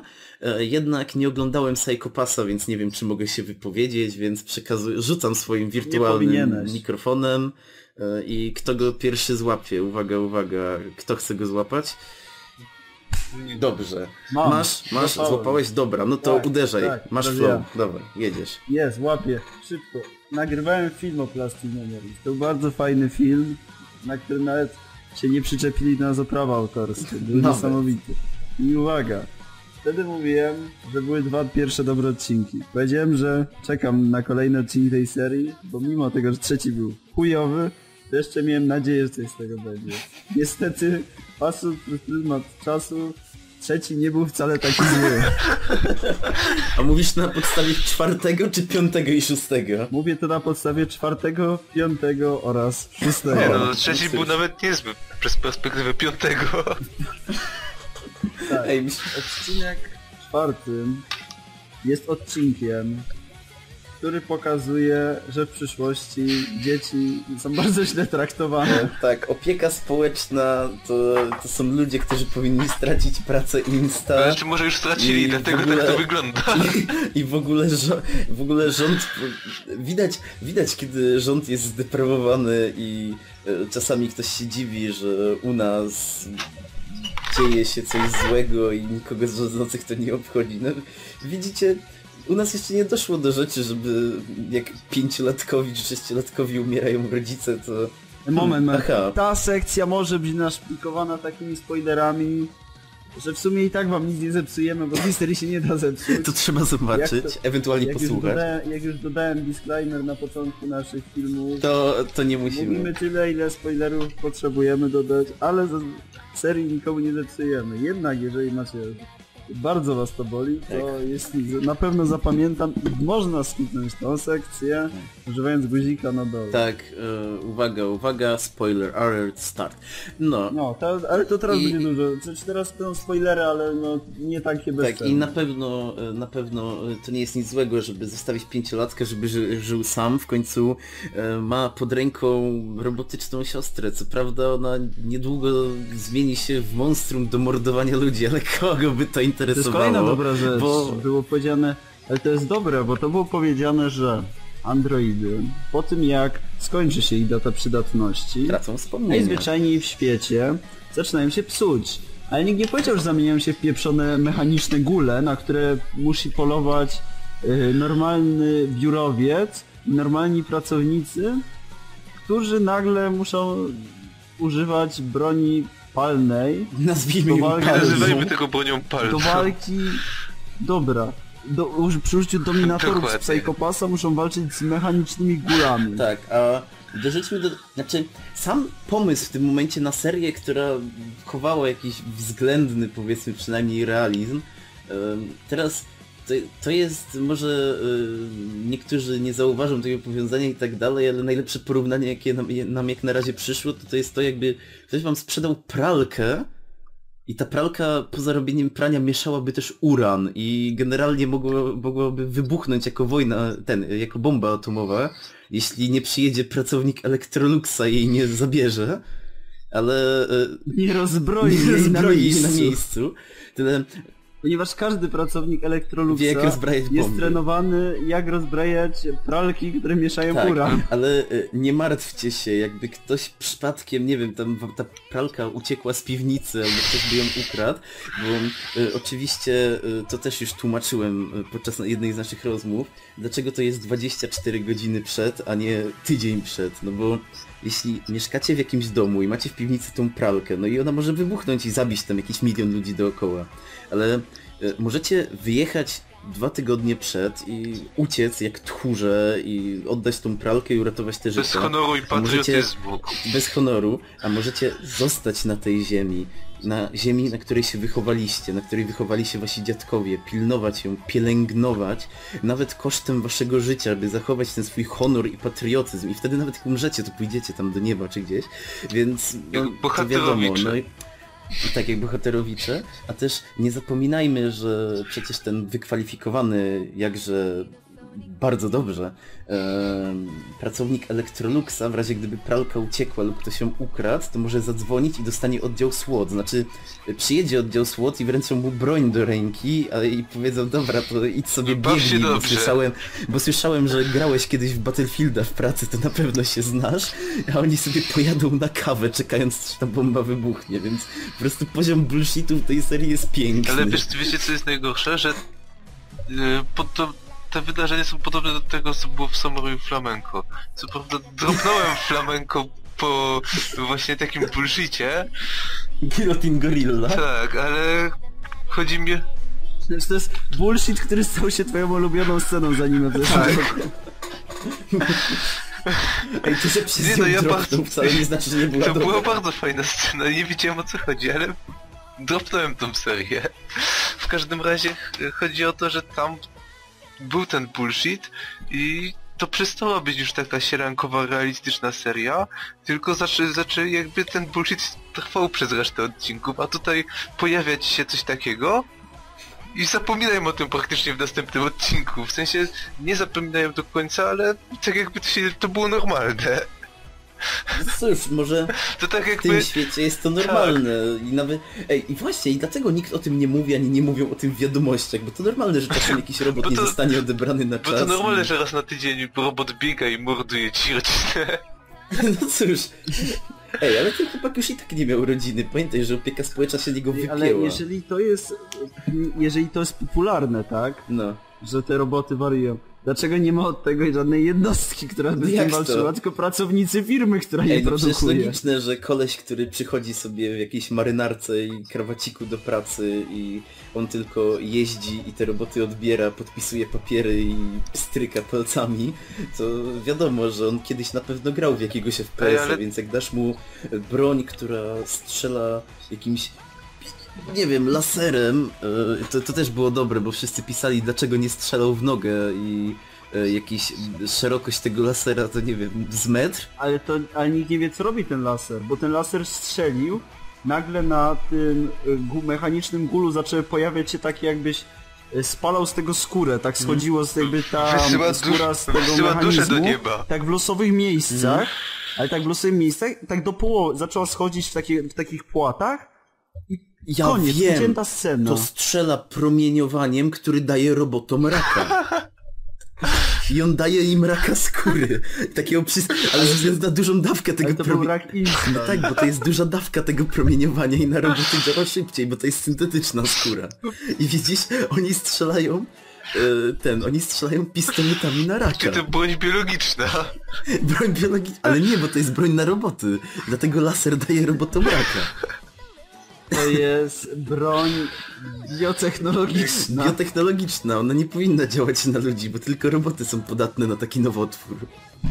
Ale zobaczcie, To jeszcze, najlepsze jest to, że główny bohater przychodzi do pracy bez żadnych szkoleń, bez kursów, bez wykształcenia, on po prostu tam pracuje i w każdej chwili może dostać do, do roboty to Znaczy- co polowanie na, rob, na cybernetycznego gula? wy- wy- Wyobraźcie sobie, że dostaliście robotę, nie wiem, jako sprzątacz ulic i tak sobie zamiatacie, zamiatacie ósmy dzień z rzędu i nagle nagle... rozpinasz koszulę i mówisz, muszę Nie, i, uratować nagle, miasto. I nagle przylatuje, przylatuje y, helikopter, spuszcza się na linię y, oddział Wojska Polskiego, jeden z nich daje ci bazukę i mówi ten kosz na śmieci, on chce cię zabić. I ten kosz w tym momencie zaczyna strzelać laserami. Tak. To jest ten poziom. I, Ale brany całkiem na Jak poważnie. w ogóle można z serii, która jest okruchami, poważnymi okruchami życia, która porusza poważne tematy, zacząć robić jakąś bullshitową walkę z robogulami i jeszcze to wszystko podlać tak złymi następnymi odcinkami, które przypadają później. Nie rozumiem Ale- tego. Ja naprawdę szanuję Studio Dogo Kobat, są naprawdę nieźli goście, ale jak? Ale to zobaczcie cóż. jeszcze jedną rzecz, że ile on zarabia? On nie zarabia jakoś pewnie dużo, a zakres obowiązków ma jednak niezły. Od... od... Co to? Ej, on dopiero co skończył szkołę i dostał tą robotę, bo ojciec Ej, to może- Ej, może on po właśnie, prostu szukał- On zarabia pewnie jakąś średnią Może krajową. on po prostu szukał jakiejś adre... ten, Minimalną. jakichś y, ostrych przeżyć i adrenaliny, więc poszedł tam do pracy. Nie, bo to jest tak jak u nas się zawsze śmieją na różnych serwisach internetowych, że wymagane doświadczenie, e, że ty masz wymagane do 20 lat, 5 lat doświadczenia, znajomość trzech języków, coś tam, coś tam i płaca 1600 zł miesięcznie. No to on się właśnie załapał na taką robotę, wymagania. On tak przeczytał i zadzwonił. Ej, dorzućcie mi jeszcze walkę z robotami. A oni... Tak, Dobra. nie, na rozmowie kwalifikacyjnej. A co chciałby pan robić? jest- Ja zawsze chciałem polować na roboty. Jest pan z nas zatrudniony. Kiedy Nie, może pan zacząć? Witaj, nie witamy pana na pokładzie. Albo e, było po prostu tak jak e, robią w tych różnych programach, że spełniają marzenia ludzi, to po prostu on e, w gimnazjum jak był, to uwielbiał grać w, w jakieś FPS-y i oglądać Terminatora i po prostu później ci ludzie stwierdzili ej, wylosowaliśmy go, czas spełnić jego marzenie, teraz będzie Rambo Tak, musimy, z, musimy zbudować Terminatora. Ej, ale to, to jest inny bullshit, o tym też rozmawialiśmy. E, Bo no, kasuje im wspomnienia, czyli kasuje im osobowość, czyli wracają do tych prymitywnych instynktów, jeśli maszyna może jakieś mieć, no ale powiedzmy, że tak. Więc e, o co chodziło z tym, bo wspominaliście o tym jakimś bullshicie na dachu, że czemu ona poszła za tym chłopakiem i go chciała złapać i tak dalej. No, Czemu akurat jego? no właśnie nikt nie wie. Pojawia się, masz scenę na, oni gonią na dach tego androida, bo ten android ukradł dziecko, które nagle w zamkniętej strefie miasta, otoczonej przez rząd, przechodziło ulicą. A, mm, Ale to jest logiczne, bo jeśli opieka społeczna, która jest państwową rzeczą, mają na niego wyrąbane, to stwierdzono, że wojsko i policja też stwierdzili, że ej, w sumie wiecie co, na dzieci do 12 lat to my mamy wyjebane. Okej, po prostu opieka on tak- społeczna ukazała nam go wpuścić tak, go i Nie, a wiem, bo to jest bezstresowe wychowanie, po prostu nie chcieli, żeby ktoś go ograniczał. Tak, bo ich by pozwał Od do sądu. do końca. Tak, bo inaczej, no bo inaczej ta firma mogłaby zostać pozwana. Tak, za, u, u, ten, za ograniczenie Ej, ale- wolności obywatelskiej, łamanie Ej, praw ale dziecka. wyobrażacie sobie, kiedy ten, kiedy siedzisz sobie, nie wiem, w tym biurze pomocy społecznej i tak siedzisz sobie, gracie tam sobie wrzutki, jecie pizzę, nogi na stole i tak dalej, się śmiejecie, gadacie i tak i wbija nagle twój ziomek Johnny i on mówi Ej, chłopaki, pamiętacie ten zajebisty pomysł, żeby zostawić tego sześciolatka z tą robotyczną siostrą? No i co, a co w związku z Bo tym? ta siostra prawie go No, zjadła. Bo ta siostra właśnie, bo, te, bo ona właśnie zaczęła mordować ludzi. Em, wiesz co? Jakby tu usunąć dowody? Wiem! Zabijmy Weź, sześciolatka. weź, weź gówniarza, żeby on tam sobie poszedł. Policja i tak go nie, nie złapie. I później, wiesz, i Johnny uważa to za zarobisty pomysł, wychodzi, a wy dalej sobie gracie w rzutki, jecie pizzę, nie wiem, popijacie z szkocką, bo i tak nie robicie nic swojej pracy. Tak. Living the dream. Nie no, ej, Seria warta waszego czasu. czy powiem, Znaczy, seria jest warta waszego czasu, jeżeli macie ambicje podobne do bohatera, który ma zapędy masochistyczne. Znaczy, powiem tak... Gdzie chcecie się utożsamić z Do bohaterem? Plastic Memories powinno być takie Plastic Memories Origination, pokazujące jak działa ten świat i wszystkie instytucje się w nim znajdujące. Dałbym 10 na 10 po prostu. Ja myślę, że powinien być Plastic Drinking Game. Za każdy bullshit. Zawsze... Wszystko byłoby z plastiku. O Jezu, No. nie, nie, to, to byłby drinking game morderca. No, ale w każdym razie mi się wydaje, że twórcy Plastic Memories chcieli zrobić taki zabieg, który jak komuś wychodzi, to jest wow. Tylko, że bardzo trudno, bo oni chcieli zadać tem, temu widzowi ten cios w twarz, że ten świat jest niby taki sielankowy, niby wszystko jest e, Tak normalne, naprawdę nie ma a, sensu. ale nie, ale tak naprawdę coś tam się dzieje, giną ludzie i, i tym podobne. I oni chcieli coś takiego zrobić, tylko że im nie wyszło, no bo to jest coś, co na przykład czasem robią e, w takich e, seriach shonenowych tutaj, no i tak rzucamy tymi spoilerami. Na przykład e, w, o, w Tengen Topa był taki, taki cios w twarz, że niby, bo oglądasz kolejną serię i ci wiesz, że ci bohaterowie są nieśmiertelni, wszystko im się udaje i tak dalej i nagle masz ten ósmy Nie, odcinek. nie możesz spoilować. No dobra, ale o co chodzi, że to był taki, taki cios twarz i tutaj też chcieli coś takiego zrobić, tylko że to co oni zrobili było na poziomie, nie wiem, idziesz sobie sierpniowym popołudniem przy bezchmurnym niebie I uderza w ciebie meteoryt. no nie, no może nie aż tak, ale nagle zaczyna się śnieżyca, to może być dobrym zagraniem, ale na pewno nie w przypadku tej serii. Na przykład w przypadku takiej Na jednej przykład w gry. przypadku takiej jednej gry, tak, to nie było przypadkowe. Ale Ale tutaj, bo chyba temat Plastic Memories już tak zakończyliśmy, jeszcze nie możemy się za dużo jedną rzecz mam, bo ten robot, to właściwie on miał tam jakiś czas i miał tracić pamięć, tak? I O, to, tak, to, tak, to, to jest- to to, jest też po- kończy się okres gwarancji. I wyobrażasz, wyobraź sobie, kupisz sobie, nie wiem, pralkę, jak już jesteśmy przy pralkach, Na na 7, 7 lat. lat. I mija, mija 7 lat i sekunda i ona nagle przestaje działać, wybucha. No, to, to też jest ciekawe. Albo, albo, Ale taki bullshit jeszcze jestem w stanie przyjąć. ale nie no, bo właściwie to było powiedziane, że nie tam 24 godziny przed y, jakby y, końcem tego okresu y, mają odebrać tego robota, tak? No. I oni tam jeżdżą i załatwiają to i właściwie to jakieś 5 godzin później ten robot nagle już jest szalonym mordercą. Zanim oni go jeszcze... On, to wyglądało tak jakby oni... Jakby ten robot jeszcze miał swój czas, ale w sumie to coś nie pykło, bo on stał się mordercą. Ale w sumie to scenariusz mu na to nie pozwala. Tak. No. No to dobra, to tam z, pan, te, z Plastic Memories się tam pośmialiśmy i w ogóle, ale y, znaczy na pewno warto się pośmiać. Chyba, że dla kogoś to jest emocjonalny rollercoaster. No ale dobra, e, tutaj od razu jak już użyłem tego porównania pogodowego, to jeśli chodzi o takie ładne przejścia klimatyczne, to moim zdaniem e, właśnie jest kolejna seria, czyli Punchline. Ponieważ na samym początku pierwsze odcinki, pierwsze dwa, trzy były takie między, no, poniżej średniej, a średnią, Były poniżej OK. poniżej OK, tak, takie między 5 a 6. I szczerze mówiąc, no mnie akurat podobało się trochę bardziej niż Lesiowi, ale Znaczy też miałem y, swoje bardzo... momenty, ale tego... Miały swoje momenty, ale te pantyszoty mierziły. Gagi niektóre były dobre, ale tak naprawdę nie wiadomo było o czym jest ta seria i co chce przekazać. To po odcinku tam czwartym, piątym, a szczególnie szóstym się zmieniło i naprawdę zaczęła ciekawić, a co najważniejsze jest z niej bardzo duży enjoyment. E, ilość tych pantyszotów e, maleje No praktycznie z i nie są aż tak nie są aż tak widoczne, bo to trzeba przyznać. W pierwszym odcinku wyglądało jakby oni najpierw zrobili odcinek, a później po prostu powklejali te pantyszoty tam, gdzie się da. Tutaj wszystko daje radę.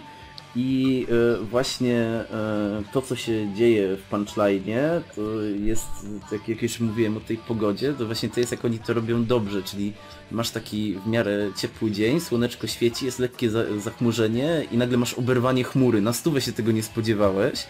No, raczej tego nikt nie zapowiadał, no ale to było, ale tak sobie uświadamiasz na chwilę, ale faktycznie było coraz więcej tych chmur i y, trochę zaczynało wiać i tak dalej i to ma sens.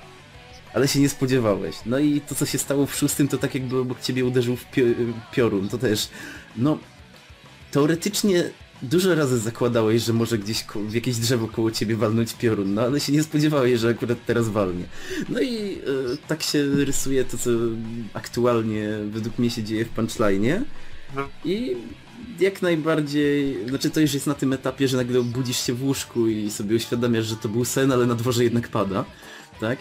Ale e, po prostu to, co się dzieje w Punchline naprawdę mnie zaciekawiło i no, ma ta seria chyba największą tendencję taką wzrostową, bo ile Souma, które jest w tym sezonie e, ponad większością serii, zaczęło, wyso zaczęło wysoko i jest po prostu ciągle wysoko, tak, y, punchline'a zaczynam doceniać jeszcze bardziej za to, że zaczęło się słabo, bo z reguły pierwsze odcinki są dobre, a później poziom schodzi, a jest coraz lepiej, coraz bardziej umieją zaciekawić tematem i naprawdę obecnie chyba najbardziej czekam na kolejny odcinek właśnie punchline'a. Znaczy, że jest taka sprawa, że oni mogą teraz... Te odcinki będą kluczowe, bo mogą naprawdę dużo rzeczy popsuć, ale jeżeli ich nie, nie zepsują tych następnych odcinków, to seria naprawdę będzie bardzo fajna. Bo grunt w tym, że w punchline wyszło, że nagle tam ludzie mogą umierać i tak dalej. Znaczy to, to cały czas się przewijało przez tą serię, ale e, nikt tego nie brał na poważnie. Na pewno, e, bo to było tylko jakieś tam tło, jak zwykle mamy tło. Mam pytanie o spoiler. Czy umarła jakaś postać w punchline i nie został cofnięty czas? E, tak. Dobrze, to chciałem wiedzieć. Znaczy nie, no czas został ogólnie cofnięty. Znaczy e, teraz czas został w ogóle cofnięty do samego początku serii. Czyli formalnie nikt nie umarł. E, formalnie nie, ale tamten koleś jest psychopatą, więc w sumie... Ale chcę wiedzieć, ale kanonicznie nikt nie umarł na razie. E, Nie no, kanonicznie e, z postaci nie, ale jest powiedziane wcześniej, że ludzie umierają, bo grasuje seryjny morderca ogólnie. No dobrze, ale tak samo jak ludzie umierali w... umierają w Durararze. Ile osób na on-screenie umarło w Durararze? No dobra. Ale... e, Tam, te, tam grasuje cały czas kilku morderców po mieście i ludzie, y, którzy mają jakieś potwory, które są zabi- w stanie zabić człowieka jednym palcem. Znaczy... Czy na on-screenie ktoś umarł w Durararze? Chyba nie. No, tutaj chodzi raczej o to, że ta śmierć jest e, realna. Wiadomo, że teraz cofnęli się w ogóle w czasie wszystko, ale e, ta śmierć jest realna i może normalnie bohaterów spotkać i to też takie rzeczy, że wiesz, mogą też normalnie zostać ranni, jak na przykład postrzeleni czy coś takiego.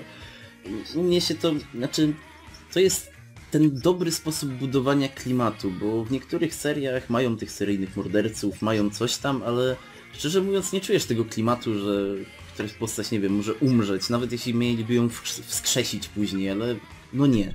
A tutaj mimo wszystko jest to To zrobione... nie jest Akame Kill. Tak, to Tak, no nie jest taka mega kill, ale to nie jest też taki typowy shonen czy seria jakaś e, detektywistyczna, gdzie umiera jakiś random i to, na temat tego toczy się akcja. W każdym razie mówię, pod względem enjoymentu oraz pod względem tego, że fabuła zaczęła się rozwijać w tej serii, ja polecam i to, że teraz właśnie, jak powiedział Tomasz, mogą zrobić wiele rzeczy.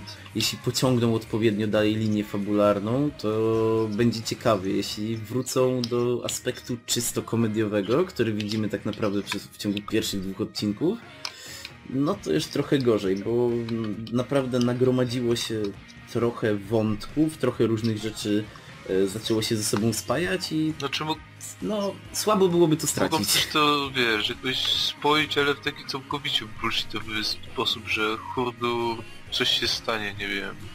Mm.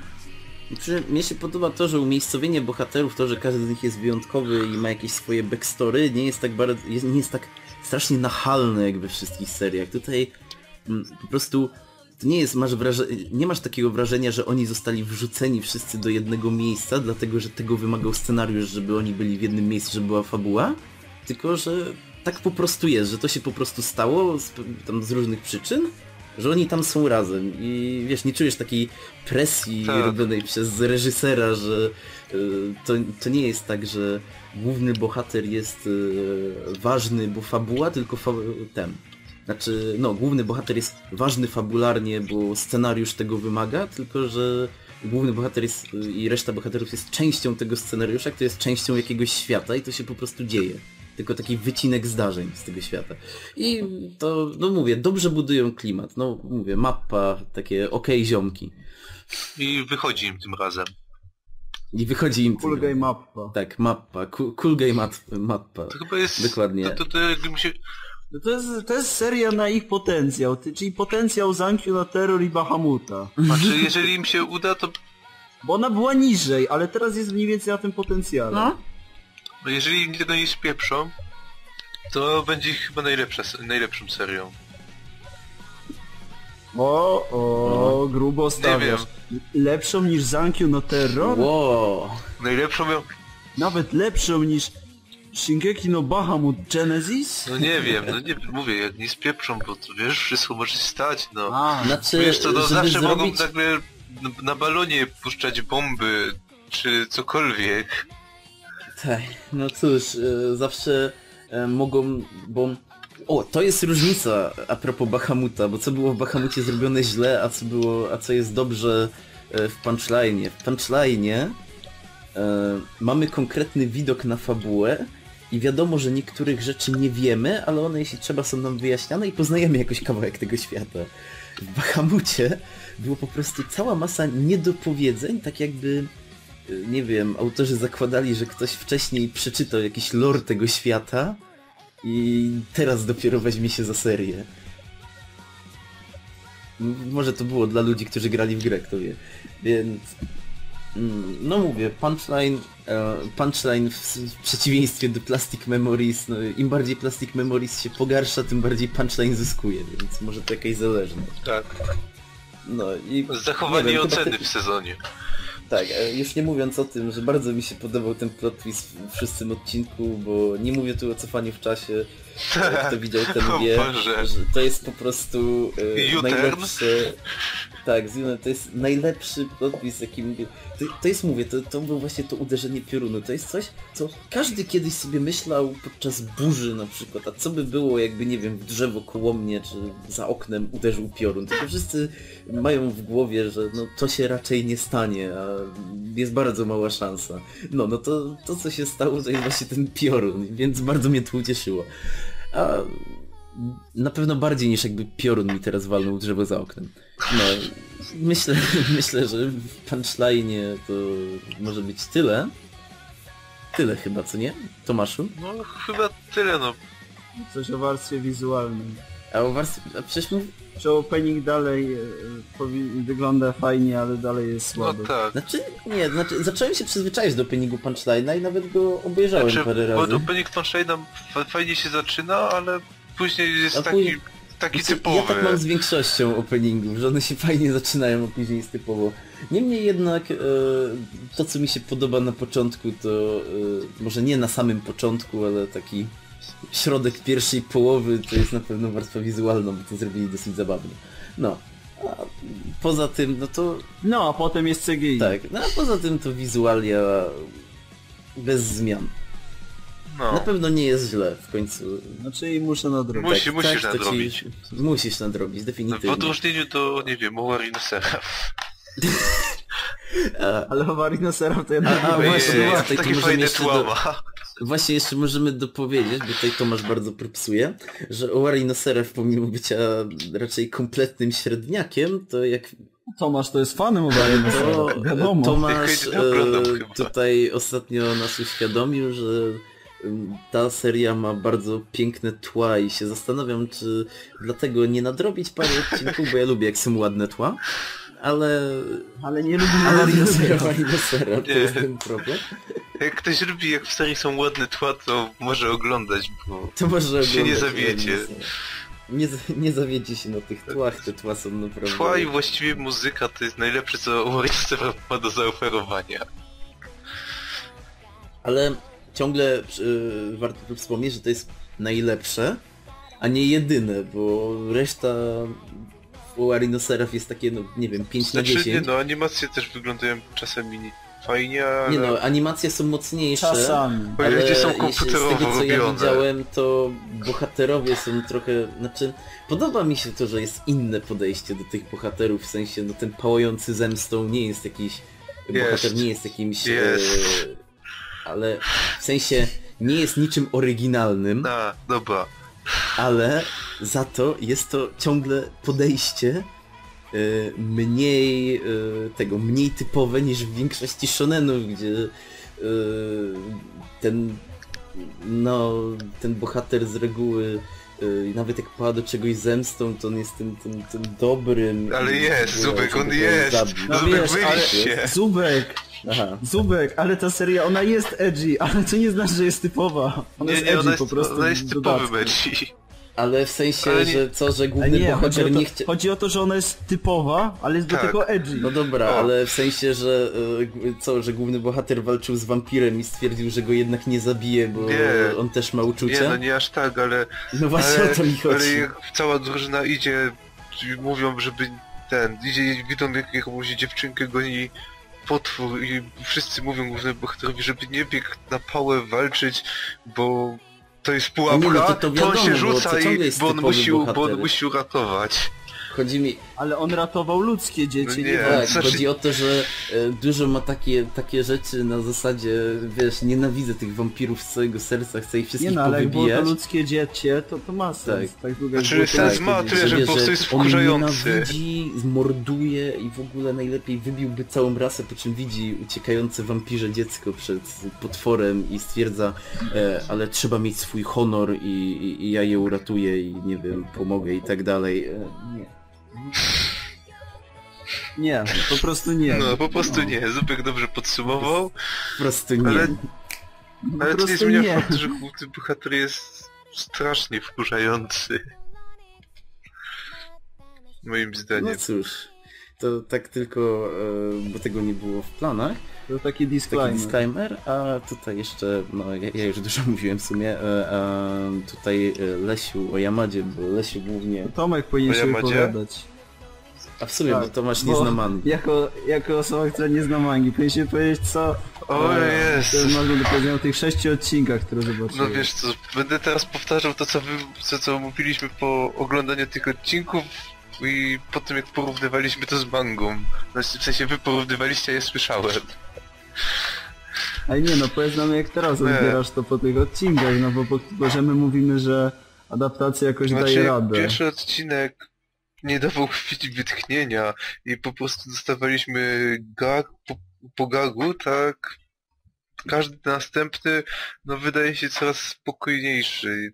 Jest trochę mniej tych żartów, mniej akcji, wszystko dzieje się trochę wolniej, ale to jest plus, bo pierwszym odcinku, no tak jak mówię, nie było chwili od wytchnienia, a teraz wszystko idzie takim spokojnym, ale dość żwawym tempem.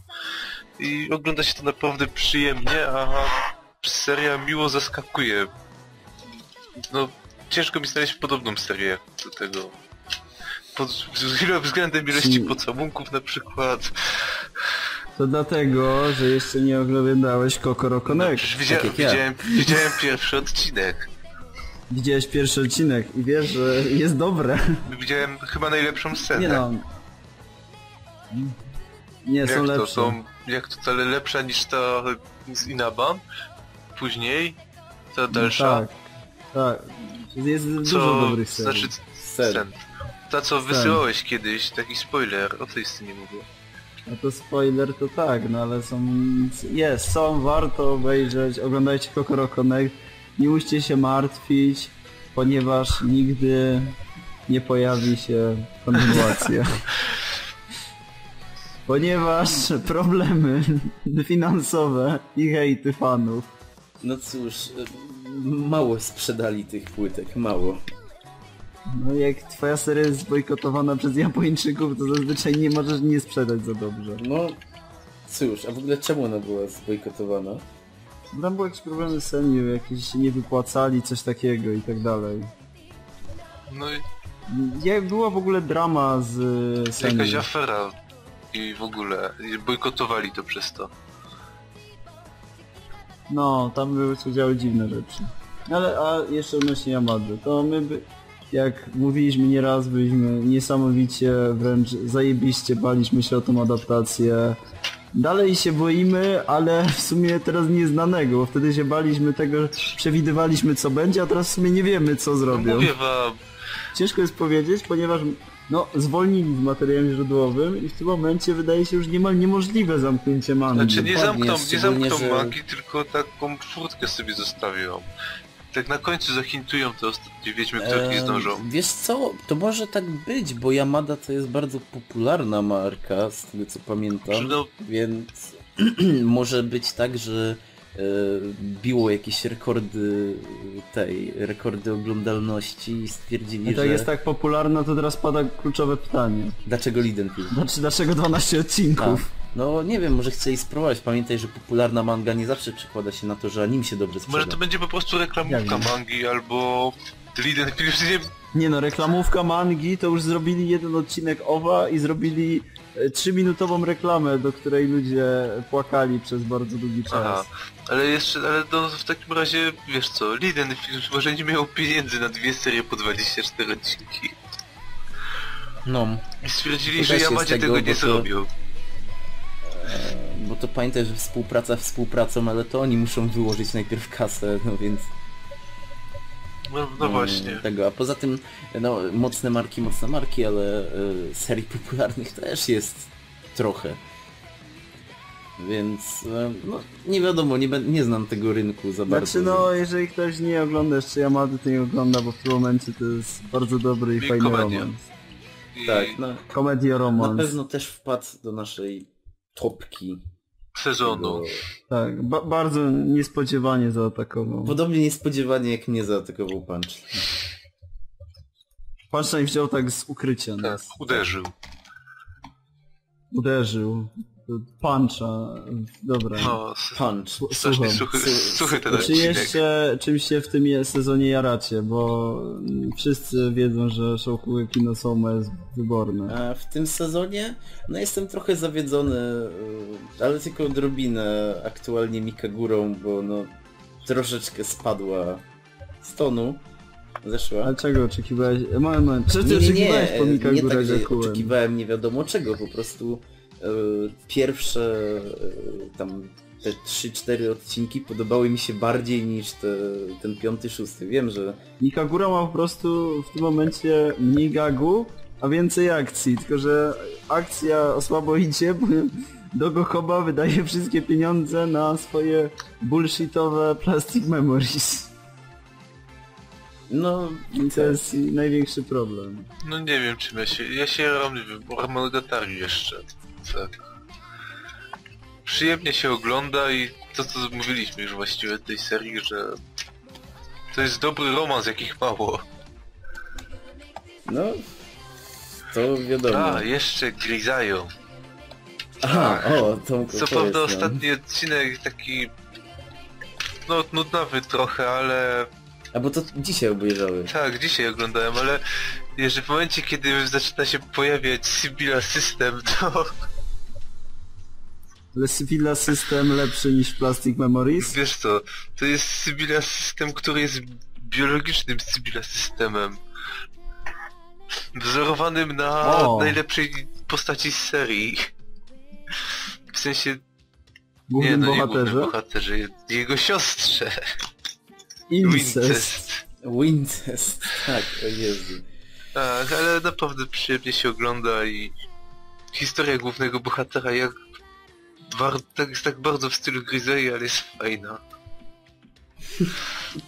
Ogląda się naprawdę przyjemnie. No, czyli tak jak przeciętnie się ogląda Grizzly, Tak. tak? Trzyma poziom ten z, z tego z pierwszej serii. Fajnie gdyby nowele przetłumaczyli, Może niedługo na Steamie się pojawi. chętnie kupię. No cóż, e, dobra, to taki nasz, e, nasze kolejne wrażenia z tego sezonu, tym razem już w połowie. E, Więcej, więcej zdarzeń nie pamiętam, że tak powiem, więc cóż, przejdźmy dalej do naszego kącika kulturalnego. Powinna tu zagrać jakaś O, muzyczka, kultura. wiesz? Ale dobra. W każdym razie dzisiaj będą głównie gry, ale jeszcze będzie serial i film i w ogóle jesteśmy teraz strasznie oświeceni, znaczy bardziej wy niż ja, szczególnie Lesiu, bo no cóż, ja ostatnio nic kulturowego, kulturalnego nie robiłem za bardzo. O Jezu, ja się tak Tak, ukulturalniłem. ukulturalniłeś się bardzo, więc może w takim razie najświeższy y, rodzynek, jakim możesz nas poczęstować, czyli iZombie, bo też mam zamiar się Och. chyba wziąć za ten serial, więc opowiedz więcej. Oj, będzie o serialu. E, pamiętajcie, że e, nasza audycja też jest serialem, ponieważ serial to coś, co wychodzi seryjnie. Jest to, że może być to serial animowany, radiowy, serial jakikolwiek, więc my też jesteśmy serialem, wszystko jest serialem, bo ostatnio ludzie się e, na pewnej grupie, jako jedna osoba konkretnie się burzyła, że przecież e, anim to też serial i tak dalej, i tak dalej, więc przypominamy. Tak, taka prawda. Dobra, ale czyli mam... Przechodzę sobie do serialu, a wy mi tam nie piszcie na Skype'ie, bo e, rozpraszacie mnie. Jeżeli chodzi o serial, to iZombie jest, e, nie wiem czyjej produkcji, ale obstawiam, że Foxa. Prawdopodobnie się mylę, ponieważ nie mam pojęcia, kto robi te sobie serialiki i tak dalej. I jest na podstawie serii komiksów DC. No, to nie jest takie DC jak wszyscy znamy, czyli bohaterowie, Batman, Liga Sprawiedliwych i tak dalej, ponieważ jest to typowa fabularyzowana historia o kobiecie, która została zombie, a nastąpiło to w takiej całkiem interesującej sytuacji, ponieważ jest taką typową pracowniczką yy, odbębniającą swoją pracę w szpitalu i została zaproszona na imprezę. Dość ciekawą imprezę, bo taką na łódce fajną, wiecie. To jest Ameryka, więc mieli dziwny jakiś narkotyk, który sobie tam niektórzy zaaplikowali, bo dlaczego by nie? I. Nie, i wtedy po prostu im odjebało, bo to no, był bardzo mocny narkotyk. I zaczęli się bić, walczyć ze sobą i potem zjadać, ponieważ ten narkotyk zamienił w sumie tych ludzi w zombie. Główna bohaterka, jakiej proponowali sztachnięcie się tym wspaniałym specyfikiem, odmówiła. No niestety po prostu została najzwyczajniej w świecie zatrapana i zamieniła się w zombie. O. Nie słabo skończyła. Była to impreza na łódce, więc skończyła na dnie tego zalewu czy jeziora, na którym miała miejsce akcja i Liv, bo tak y, mówię na bohaterkę, obudziła się w worku na zwłoki na wybrzeżu. W sumie wypluła tą wodę z płuc i stwierdziła, że nie ma co tu siedzieć, poszła do domu. Akcję widzimy już 6 miesięcy po tym jak umarła, czyli mniej więcej już się przyzwyczaiła do tego, że nie żyje. Ale to tak, takie typowe, w sumie, hmm, nie żyję, ale nie mam co z tym zrobić, więc po co się No ale użalać? ta, Idę do ta, domu. seria, ta seria tak To to, tak mniej więcej jak w pokazuje, świecie bo to... dysku ale- trochę. Ale, ale nie, no ale to takie życiowe, bo ja sobie nie wyobrażam, że no, no dobra, no pewnie, tak na logikę, to mnie zawsze dziwi, tak na logikę, no dobra, możesz pójść, krzyczeć i, i, i tym podobne. no, Jak ale ta NPC WoWie. Ciesz się, że nie umarłeś, no idź No, ale tak do właśnie- domu i w ogóle. No właśnie, e, to, to jest clue mniej więcej tego serialu, bo to wygląda na to, że ona w sumie nie miała czasu na swoje życie, była tym pracocholikiem i dopiero zaczęła doceniać życie po tym jak umarła. No bo to jak No, w świecie o. dysku pewnie ba- trze- trzeźwiej na wszystko patrzy po tym jak już nie żyje. Tak, nie ma tyle dokładnie. zmartwień, I nie? No. No tylko, że to jest mi- mimo wszystko na podstawie komiksu, więc to nie będzie e, okruchy Ale życia o szkoda. tym, jak, się, jak to jest być zombie i funkcjonować, bo jednak te odcinki mają 40 minut i trzeba to sprzedawać. Jak to? To są okruchy życia, tylko że Więc akurat nie o główna- tym, co powiedziałeś. No, jest główna bohaterka, jako osoba, która no, jest głównym bohaterem, musi mieć jakąś moc, więc mocą ja, jako zombie jest to, że zjadając czyjś mózg, e, przejmuje wspomnienia tej osoby oraz przejmuje, znaczy wspomnienia. Nie jest tak, że ona nagle wie wszystko z tamta osoba, tylko ma jakby fragment z tego mózgu, który zjadła, a to przekłada się na to, że jeżeli powtórzy się jakaś sytuacja, to ma po prostu déjà vu, przypomina sobie coś z życia tej osoby, czy jej mózg zjadła. I druga rzecz jest taka, że po zjedzeniu tego mózgu przejmuje cechy charakteru e, osoby, do której należą. Tylko tam w pierwszym odcinku na przykład yy, myśli, że jest kubańską kleptomanką. Kubańska kleptomanka, to brzmi Tak, genialnie. to, to też jest świetne, bo jeżeli y, jest to osoba z innego kraju, to podświadom i ktoś na przykład mówi do ciebie po rumuńsku, to normalnie masz pojęcia o co chodzi, ale podświadomie jesteś w stanie odpowiadać, bo gdzieś z tyłu głowy masz, że umiesz po tym rumuńsku. O, ej, ale to jest dobre, bo tak w sumie nie wiem. W sumie Masz... nie wiesz co odpowiada, czy wiesz o co chodzi w rozmowie, ale ty nie wiesz co ty mówisz. Jakbyś miał komuś powiedzieć co przed chwilą powiedziałeś, to byś nie był w stanie. to, to, to ciekawe jakby to wyglądało, jakby zjadł, nie wiem, mózg rosyjskiego mafioza i pojechała do złej dzielnicy. To na pewno byłoby No, ale, zabawne. ale sytuacja jest taka, bo w drugim odcinku jest e, artysta zamordowany, taki typowy malarz, który nie ma na chleb, ale rysuje piękne obrazy. Ten koleś żył w związku monogamicznym i był typowym e, gościem, który miał kilka żon i wyrywał wszystkie laski i ona zjadła ten mózg i zaczyna poligamicznym, dobrze, przepraszam. I zaczyna startować do lasek, które spotyka i je wyrywać. Bohaterka. Boże. Przy okazji stwierdza, że sztuka jest jej powołaniem i zaczyna słuchać muzyki jazzowej i rysować dzieła sztuki u siebie w domu, mimo że stwierdziła, że hobby jest dla pedału. Ale opis, ale opis Ej, ej. e, tego, tego... Wreszcie to się wszystko to- zgadza. Ale opis tego e, odcinka właśnie mnie zachęcił do oglądania tego serialu. E, ale no, ej, w sumie się zgadza, bo ona w sumie tak poniekąd... No i co, no jest homo. No tak, właśnie, no to startuje do lasek i Znaczy, maluje, no przez wszystko się zgadza. Tak. No i, i to jest kolejna rzecz, bo teraz to możecie też wziąć tam, przedzielić to co ja teraz mówię, bo ja nie oglądam za wielu seriali, więc nie mam odniesienia, ale kolejna rzecz, która dla mnie jest świetna, to są dialogi, bo to są takie bardzo dobre dialogi pełne polotu, które są w, cztery, w tego typu serialach. Nie polegają na tym, że o, jesteś zombie, no to ja cię nie wydam i teraz zrobimy to i tamto. Nie, tu jest bohaterka, która pracuje w kostnicy, bo już nie może pracować normalnie w szpitalu i pomaga przy zwłokach, gdzie po 6 miesiącach jej pracodawca stwierdza w sumie naszemu pacjentowi zniknął mózg. Czy coś o tym wiesz? Nie. Ale ja wiem, że jesteś zombie, możesz się przyznać. Skąd wiesz? Przecież to widać. Ale, o tym, ale przyminęło 6 miesięcy, jesteś pierwszą osobą, która zauważyła. Tak? Jak to możliwe? Okej. No cóż. Znasz, ale to jest ten koleś, który jest jej przełożonym, to jest Rahul Kohli. Kohli. To jest taki typ ciapaty koleś, znaczy wygląda jak taki typowy ciapaty patolog, który mówi typowym ciapatym akcentem i ma typowe takie one-linery. Boże. Do tego dochodzi ci tam, yy, bo to ona przede wszystkim używa tej mocy, żeby rozwiązywać zagadki kryminalne zabójstw, no to nie jest tam zaskakujące. Więc stwierdził po prostu tam czarnoskóry detektyw, który rozwiązuje to wszystko. Tak przyszedł i w sumie przy jednej sprawie ona powiedziała coś głupiego, co potem okazało się prawdą. On myśli, że ona jest psychiczna i po prostu zgaduje. Mhm. I tak w sumie ze sobą pracują. Tam kolejne postacie, pojawiają się też inne zombie, bo to nie, ona nie jest jedynym, który przeżył. Gdzie na przykład ma, jest koleś, który chodzi sobie tak po mieście, jest, był kiedyś mafiozem, teraz jest zombie, nie ma co ciekawszego do roboty, więc y, zatruwa tam najbogatszych ludzi mówi, że będzie im przynosił mózgi, jak mu będą za to płacić. Aha.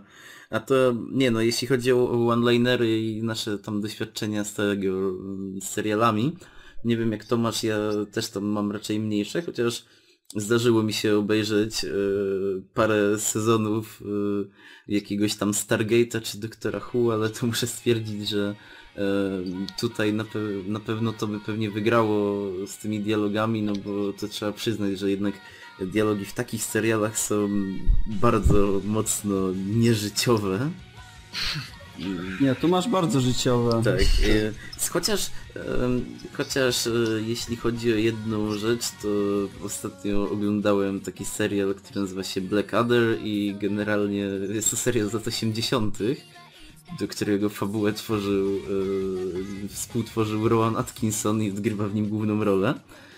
Jest typowo angielski, ale uznaję go za zabawny i też polecam w razie czego, jeśli kogoś nie mierzi e, jakość z lat 80. Nie no, ja tak z No seriali to w sumie poza Wikingami Galawantem. A, Wikingów też widziałem, To ale nie widziałem nic tutaj o więcej. Ja słyszałem, że. Wikingowie to jest serial, No. w którym połowa ścieżki dźwiękowej to szczęk mieczy, czy to prawda? E, czekaj, nie, w pierwszym nie, W pierwszym bo sezonie nie było aż tak dużo walki. nie było, znaczy kończyło się tą Tak, walką. tak. w drugim sezonie już jest więcej, ale drugiego sezonu nie skończyłem, więc ciężko mi się stwierdzić. Ale w pierwszym sezonie nie. W pierwszym sezonie już nawet mamy więcej y, tego y, mnicha, znaczy więcej mamy historii tego mnicha, który zastanawiał się, czy się nawrócić na wiarę w to, ten, y, Pogańską. Odyna i Wtora, niż y, mamy walki, więc to już jest sukces, bo on wchodzi dopiero w którejś tam... Tak, ale nie, no właśnie to, to mi się bardzo podobało w tym serialu, że takie mniej, mniej takiegoś... Nie, nie było, nie było takich true y, chrześcijan, ale Znaczy nie, że też dobrze, nie było tam- takiego na, na, napieprzania się, tylko jakieś tam bardziej To nie, to było pokazane takie typowe, typowe takie życie. okruchy życia. Takie okruchy życia wikingów, E, dokładnie. To było fajne. I w sumie będę, będę na ten, będę na strefie militarnej zapytam się znajomego, co sądzi o tym serialu, bo on rekonstruuje wikingów, może mi powie coś ciekawego. Dobra, ale wracajmy do iZombie. Nie no, to ja będę zamykał jeszcze. Sprawdziłem to. CV Television odpowiada za to. Nie wiem kim są, ale na pewno zrobili coś fajnego. I jeszcze co jest bardzo fajne, to co już mówiłem, aktorzy, a główna bohaterka to jest jakieś, nie wiem czy Rose McIver, no tak się nazywa, zrobiła coś lepszego w swoim życiu? Pewnie tak, a ja o tym nie wiem, ale jak dla mnie ma fenomenalną rolę i sprawdza się w roli głównej bohaterki świetnie. Tak sprawdziłem na Wikipedii. Ma bardzo ciekawą karierę, bo zaczyna w wieku dwóch lat i brał udział w reklamie, a w wieku trzech lat już gra w filmie. O, to złote dziecko. Złote dziecko. No tak, w praktycznie nigdy o niej nigdy nie słyszałem, ale wygląda lepiej w makijażu zombie niż na, normalnie w, swo w swojej skórze. To znaczy, że bardzo dobrze wykreowała tą bohaterkę. Więc mówię, jest świetnie, tam postacie poboczne też swoje robią. iZombie to jest... Ja nie lubię, to jeszcze pod, jako podsumowanie, ja nie lubię ogółem filmów, ani komiksów superbohaterskich, lubię komiksy i uniwersy, ale nie lubię Avengersów, nie lubię tych wszystkich Marvel Universe, nie lubię filmów DC, po prostu nie przepadam za nimi. A i jedyne, które lubię to z X-Men i Spinger, Spingera i te, które pojawiały się pierwsza klasa i Day of the Future Past. A tu jest komiks DC, który nie jest o superbohaterach, ale jest świetny. Vertigo po prostu ma zajebiste licencje i wszystko co jest od Vertigo ja propsuję. Mhm. Warto sprawdzić sobie serial I Zombie. Aj, zombie. Tak prawie jak iPhone, tylko że zombie. No. A e, w takim razie, no cóż, przejdźmy do kolejnej, e, kolejnej, kolejnej produkcji. Tym razem e, dołączy się Tomasz O, do tak. niej. Mianowicie będą to e, sekrety morza, ale może najpierw opowiedzcie historię, jak trafiliście na ten A film. to Lesiu mi wysłał i się zapytał, czy nie idę z nim do kina. Powiedziałem, że w sobie mogę i tak. Dobrze, ale To z mojej strony. już konkretnie o sytuację w samym kinie. A, w samym kinie, no to tak przyszliśmy spóźnieni przeze mnie. E, Ten, jakieś No przez kierowcę autobusu. przez kierowcę autobusu dokładnie jakieś 10-15 minut. Podchodzimy do kasy, kupujemy film, pani, nam, nas, pani nas prosi, o które miejsce tam zarezerwować, tak w sumie żadnych nie było, no to wzięliśmy i To był trudny wybór, Wybajesz zabrał wszystkie miejsca tak, wszystkie, do, na wszystkie sali. miejsca na sali, kupiliśmy te bilety, pani i później zaraz po tym jak odeszliśmy od kasy zadzwoniła, żeby, że jednak muszą puścić ten film, no i koleś nie ma przerwy, który wy... Bo planowali go nie tak, puszczać. wchodzimy, Tak. że w ogóle, żeby dostać się do sali, to Lesiu musiał przejść przez ten zablokowane przejście, bo dopiero wtedy obsługa się zorientowała, że ktoś chce wejść. Bo obsługa nie była przygotowana na to, że ktoś jednak pojawi się Tak, w kinie. no cóż, no tak, to ich ale mieliście za to romantyczny... tak, No co jest najważniejsze, co jeszcze jest ważne do podkreślenia, film jest emitowany w cine, tylko w kinie Cinema City u nas w okolicy i tylko o godzinie 12 w każdy dzień. W południe. No cóż, samo i, południe. I jest, tyl, I jest tylko z dubbingiem. no cóż, i jest to film, no, film animowany, więc na pewno ciekawie to wyglądało, kiedy taki e, Lesiu z Tomaszem przyszli jako jedyne osoby na ten film. Cóż, Nie no, dzieci oglądają Avengersy. dokładnie. No tak. Czy nie będą oglądać ba baj bajki o legendach irlandzkich, jak mogą obejrzeć jak super, jak Iron Man walczy z Hulkiem. Ejej, No w sumie. w sumie jak byłem na Avengersach, to na to było całkiem sporo dzi- dzieciaczków, mimo że byłem w nocy. Opowiesz, opowiesz nam o to nie ma Avengersach, co dobra, opowiadać. skopałeś. Nie ma co opowiadać, ale nie? Ale e, Tomaszu, nam o Pietro. Tomaszu, ty nie rozumiesz. Każdy podcast, każda strona, każdy Każdy youtuber o i wszyscy, którzy zajmują się To czymkolwiek, po tym jak nagram film, to David będzie nagrał specjalny, dedykowany Avengersach. e, Nie, bo nigdy go nie nagrasz. nie uciekniesz, opowiadasz o Mój Avengersach. genialny Dobra, plan. jako zostajemy przy sekretach morza. Jest to film pana, który nazywa się Tom Moore. Jest to całkiem ciekawy gość, bo ma już na karku 38 lat, a na koncie ma dwa filmy. Mm. Znaczy dwa filmy, które pojawiły się w Polsce, bo nie wiem czym jest The Prophet. Nieważne. Okiem. E, stworzył sek sekret z księgi Skells, który został przyjęty na jakimś kosmicznym poziomie. Jeżeli nawet wysokie oceny dają ludzie na film webie, to o Jezus Maria, co tam się musiało dziać.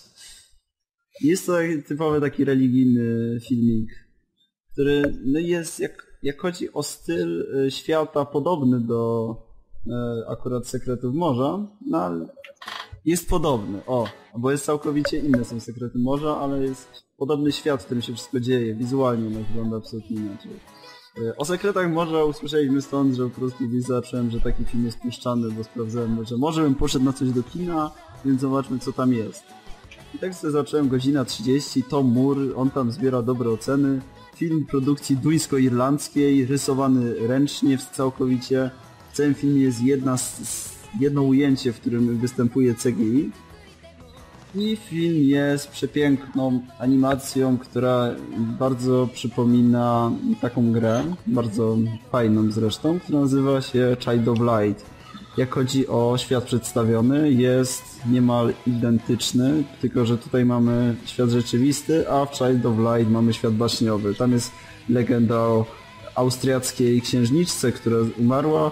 Tutaj jest o dwójce dzieci, które straciły matkę i są prześladowane przez creepy folki. Tak, Lesiu, Jezu. która scena jest w CGI? E, Na końcu jest raz pokaz... e, jedna postać jest animowana w CGI, ojciec. A, dobra. Jest w jednej scenie, ale to mówię. To Jedna nawet nie scena to. wyłapałem. E, Mamy tutaj taką typową bajkę, gdzie jest bohater, którego matka na początku umiera, zostawia mu artefakt i ma młodszą siostrę, która rodzi się w ten sam dzień, w który traci matkę, żeby było śmieszniej. Jego siostra, która ma zajebiste i najlepsze imię Sirsha, e, jest niemową, ma 6 lat i nie potrafi mówić. Co nie jest Dlatego normalne. jest najlepszy, jest najlepszą postacią w tej serii. Jest... Sirsha musi grać bez używania, czy, no dobra, grać, to jest złe słowo animacji. Jest tak narysowana, że musi wywoływać emocje, musimy o nią dbać i musi być postacią, o którą jakkolwiek byśmy zabiegali. Ona to wszystko spełnia idea, idealnie, nie mówiąc ani jednego Czy słowa w jest serii. idealnym dzieckiem? Tak.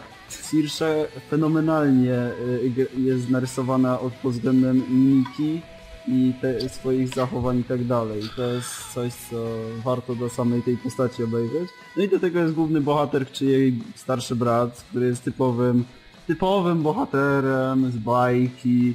Jest y, dobrym chłopcem, który ma swojego psa, który jest wierny. Ale jest starszym bratem, sumie- który jest zazdrosny o siostrę. jest zazdrosny o siostrę, nie lubi małej Sirszy, Jest atencyjny. a musi. jest atencyjny, jest głupim po prostu dzieckiem. Jest typowym bachorem. Tak, jest typowym głupim dzieckiem, który znęca się nad swoją siostrą do tego, że bardziej ją kochają rodzice niż jego. O nie. E, czy któryś z was ma tak w domu? Nie. Znaczy... Nie. O, to Nie. Tomaszu, ta chwila wakania. Nie no, w sensie chciałem powiedzieć, że może tak jest, ale tego nie zauważam, ale...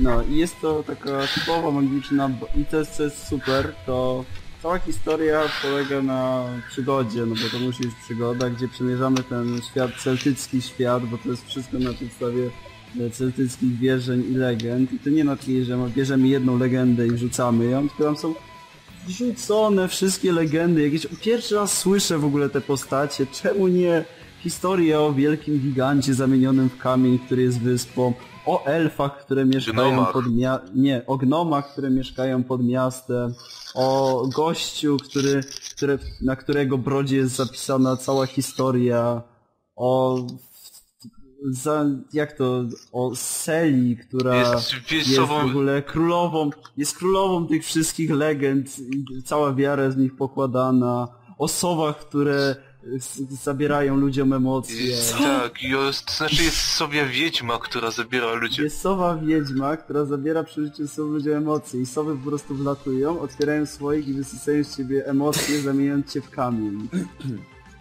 A myślałem, że wysysają w ciebie emocje i zabi- zamieniają cię w mordującego robota. A nie, Nie, ty, zamieniają cię w kamień i, można, i jedna osoba, która może odmienić cię z kamienia. Przynajmniej tak próbuje nam to bajka obiecać, co nie jest do końca prawdą.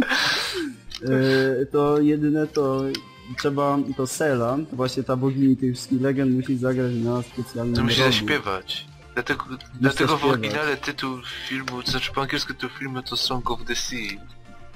Że Ale A u nas jest sekrety morza. ta, sekrety morza. Brzmi jak nazwa takiej fajnej knajpki. Wiesz, No to poszedłbyś tam na krewetki na przykład. tak. I zaśpiewać szanty. Tak. A to też, a śpiewali tam. Śpiewali. Matka, mat, matka śpiewała szanty. Ale to Tak, były znaczy ogółem ta seria polega na śpiewaniu, na śpiewaniu szantów, mniej, mniej więcej fabularnie, tylko, bo, tylko i to jest dobre, bo połowa jest przetłumaczona, ale połowa nie. Więc y, główny bohater raz śpiewa po polsku, a raz po kurwa to jest jakiś islandzki, albo to nawet duński. Nie, nie, to, to brzmi tak ba, bardzo skandynawsko właśnie. Is, islandzki by w sumie pasował, bo jest najbardziej porypany z, tych, z tego typu języków. No. Główny bohater śpiewał w tym języku i raz w polskim. Chociaż- I żeby było śmieszniej, Chociaż na końcu o, o, piosenka, która się przewija przez, całą se, przez cały film, która jest śpiewana po tym islandzku, jest zaśpiewana po polsku w ostatniej scenie. O, tak. Logiczne.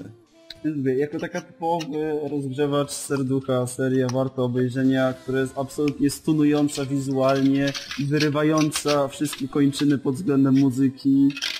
Muzyka jest wziętą kalką jeden do jednego. Nie wiem, oni zatrudnili na pewno tą samą osobę, którą Ubisoft do Child of Light. znaczy, Muzyka w serii pewnie od tam od, pod, samą, pod sam koniec w sumie trochę spada poziom, bo przez sam, sam mówię, że przestaje już przypominać ten e, Child of Light i tak trochę słabszeć ta muzyka, to dosłownie przez ostatnie, nie wiem, No bo po prostu 15-20 minut. zmienili trochę ton pod koniec, bo był bardziej podniosły, a był, bo Child of Light to jest, no dobra, jeszcze chwilę taki disclaimer do gry, no bo Child of Light to jest historia No. księżniczki Aurory, gdzie gra zaczyna się w momencie, kiedy Aurora umiera na łożu śmierci swojemu ojcu, będąc jedyną dziedziczką tronu. I budzi się w tym świecie fanta fantastycznym, który już teraz nie pamiętam jak się nazywa, Fire Kingdom czy jakoś tak, budzi się w tym świecie po swojej śmierci i jest to świat, do którego tam 10 lat wcześniej ruszyła jej matka. Do tego świata umarłych. Nie umarła, ale poszła do tego świata. No, czemu? Ona próbuje od... No, magia, tak? To jest legenda. A, I ona ruszyła... Tak, i ona potem ruszyła do tego świata, żeby... No, w sumie umarła, nie ma wiele do stracenia, więc próbuje spotkać swoją matkę. Spotka tam... To jest równo... Bo to się o tym okazuje, że to jest tak naprawdę równoległa rzeczywistość, a nie jest po prostu świat umarłych, tylko to jest drugi wymiar, z którego ten wymiar zagrażał królestwu i dlatego jej matka próbowała jej zatrzymać ty, złą wiedźmę, która była w tym wymiarze. No i to tak się buduje fabuła i to jest taka melancholijna historia bohaterki, która przemierza ten świat, gdzie są ludzie zamienioni w kruki, gdzie jest za, zalana cała wioska, gdzie nie ma kolorów, bo wiedźma je zabrała i tak dalej. Tutaj jest taka historia, że jest nie wszystko cały czas progres i tam jest tylko, tam czasami jest spadek z takiego y, typowego rozgrzewacza serca dla rodziny na takie smutniejsze tematy i finał już jest taki typowy, już hura optymistyczny, nie? Mhm. To jest ta różnica między tymi dwoma. Dlatego tutaj, tam cały czas jest ten, ta melancholia, a tutaj ona jest tylko czasami w filmie pod, jako podtrzymywanie klimatu, gdzie na końcu już jest absolutny wybuch i muzyka się zmienia. Jednak, no, cały czas warstwa muzyczna jest świetna. No to trzeba przyznać. Tak jak wizualna. Tomku, jak jeszcze, co, co, jak jeszcze twoje takie... No nie wiem, bardzo przyjemnie się oglądało. Foki były creepy, były Wie, Tak, najważniejszym zwierzęciem, które występuje są foki, są tak, creepy. foki to są takie wodne sępy tak naprawdę. Tak samo jak sowy, to... nie, sowy... Nie, co to było? Tak, so, sowy to sępy miasta, a to są sępy wodne. Tak. I to wcale nie jest podejrzane jak jakieś za- zamaskowani, przebrani starsi panowie porwają małą dziewczynkę czy coś. To nie jest podejrzane. No poza takimi, wiesz, dziwnymi rzeczami to w sumie bardzo przyjemna bajka. Tak jak Lesiu mówił, świetna wizualnie i muzycznie. Dubbing nie daje raka, ale też zbyt fenomenalny nie jest. No i no wiesz co, no, nie przeszkadza. Sirsha, Sirsha miała, by- była najlepiej zdubbingowaną postacią. No tak, to trzeba przyznać. Sirsha była świetnie zdubbingowana. Tak. Najlepsza rola w tym roku. Dokładnie. Najlepsza rola, że- dubbingował? Pewnie zrobili casting na dubbing, gdzie trzeba było wygrać w Króla Ciszy. Tak. Możliwe. Nie, nie, ona, śp- Ale- ona śpiewa i mówi coś pod sam koniec filmu. Dobrze. Ale jeśli to tyle w kwestii sekretów morza, to możemy przejść do kolejnego filmu, który nam wyskoczył. Mamy jeszcze jakiś film? No tak. Otóż y, Tomku, powiedz nam o drugiej części Avengersów. Nie. No cóż, jeżeli ktoś... Słyszałem, znaczy słyszałem o tym filmie dużo dobrego, dużo złego. Niektórzy mówią, że jest fajnie, inni, że Ja jest słyszałem o tym filmie same złe rzeczy. Znaczy, jeżeli... inni, że jest natłok y, wątków i w ogóle nic nie wiadomo i za dużo humoru, a inni, że ten humor gdzie niegdzie był niezły, a gdzie indziej był słaby i tak dalej, i tak dalej. Że ogólnie fajnie się ogląda albo że jest zły film. No wypowiedz się. Ja bym to tak w sumie połączył, bo to nie jest jakiś super film, ale to jest takie typowe kino akcji z dużą ilością bohaterów, efektami specjalnymi, tu wybuchy, tu walczy Hulk z Iron że jest to właśnie bardzo... Że to nie jest tragiczny film, ale to jest bardzo zły film akcji, bo te ujęcia, bo w trakcie walk są tragiczne ujęcia, które są cały czas cięta kamera, że w sumie nie wiesz co się dzieje. A to ja słyszałem o tej e, walce właśnie Hulka, e, nie pamiętam jak się nazywał ten akurat kostium A Ironmana. Hulkbuster. O, Hulkbuster, dobrze. E, e, Hulka z Hulkbusterem, że dużo osób no, na- narzekało na te ujęcia, że są takie e, chaotyczne i w sumie mało co z tej walki Znaczy ta walka, to akurat moim zdaniem te ujęcia były tam pasowały, bo ta walka była chaotyczna. To były dwóch wielkich kolesi, którzy się po prostu nawalali po mieście i wszystko, latali na wszystkie strony, więc jakby to było jakoś tak bardziej schludnie, czy jakoś splanowane bardziej te ujęcia, to tak w sumie no, to była taka chaotyczna walka, więc ten chaos w ujęciach jakoś nie przeszkadzał, w sensie moż, no, można było poczuć, że to po prostu nie jest jakiś pojedynek dwóch rycerzy, czy cokolwiek, tylko wkurzony, wkurzony. Hulk, który na, nawala się z Iron Manem. Który No Hulk jest z reguły zły. znaczy zły, wkurzony, o. No. No, no i poza tym ten film, no to jak dla mnie to taki typowy film o superbohaterach. No, poza, poza, Czy dwie najlepsze, post... czy dwie najlepsze postacie w filmie to rodzeństwo Maximow? Nie, nie. Je- Jedna A co sądzisz o zakończeniu? zakończeniu. W sensie scenie po, film, po napisach, czy zakończeniu filmu? Nie, nas Thanos nie interesuje. Zapowiedzi o A zakończeniu. zakończenie. No nie wiem, no uratowali cygańskie dziecko poświęcając najlepszą postać. Jak dla mnie nie Warchwyt. Pytałem No dobrze, ale jego się- Czy to, czyli mówisz, czyli mówisz, że druga, cze...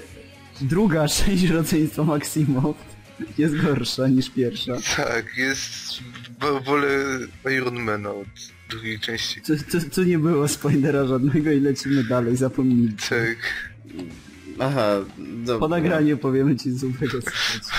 Okej, okej, okej. Dobra, w, ka w każdym razie... Jakby chciałem się jeszcze pytać o Strażników Galaktyki, ale dobra. No to mogę, Strażników Galaktyki pytaj. pytaj. Byli w tym filmie? Bo ja go nie widziałem. Byli? Nie. Czemu mieli? Po Wow. czemu mieliby być? Galaktycy, No nie wiem, Strażnicy Galaktyki pojawią się dopiero w Civil War. bo się zastanawiałem, właśnie to, to może po, w tej scenie chodziło o tą scenę po napisach też, e, się zastanawiałem, no bo skoro był Thanos, to nie wiem, może gdzieś tam przelecieli w tle, No, No Civil War się No. tak? A to, które jest w kolejności teraz?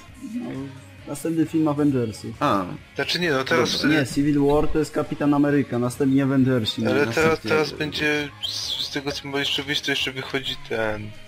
Doctor Strange i będą mieli, będą wszystkie te Infinite Stony ujawnione dopiero i tak dalej.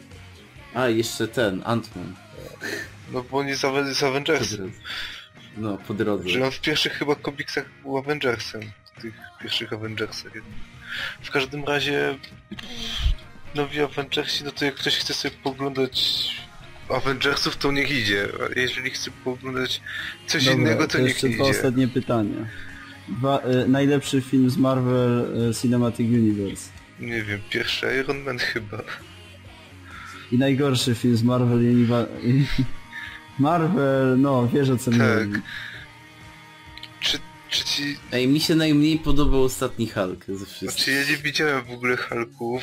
Na przykład nie widziałem pierwszego Kapitana Ameryki. Ale powiedziałbym, że drugi Kapitan Ameryka, bo na nim dwa razy spałem. Ale, Sobie...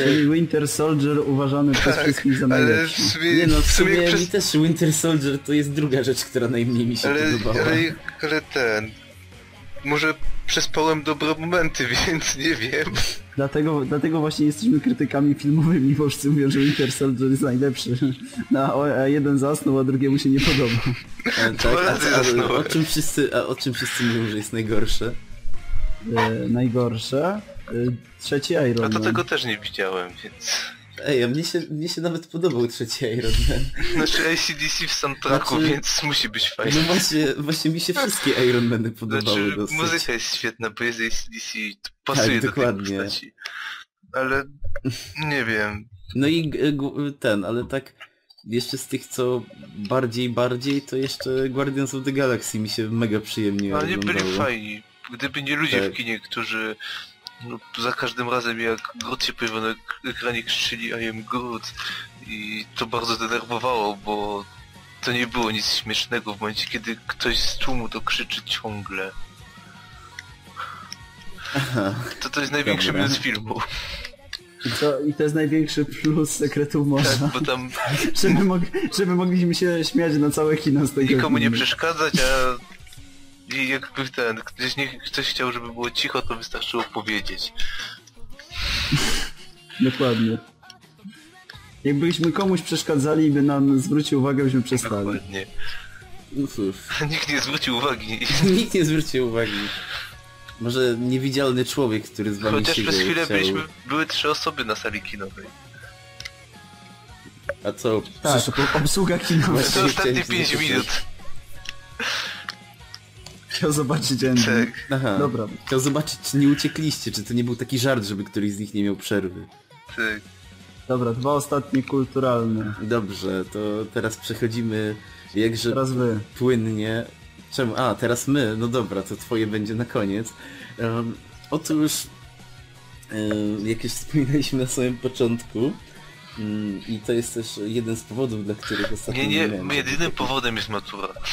Tak, tak, tak, ale jeden z powodów, dla których no, e, nie miałem za bardzo kontaktu z kulturą przez ostatnie parę tygodni, nie no dni, e, jest to, że razem z Tomaszem kupiliśmy WoWa.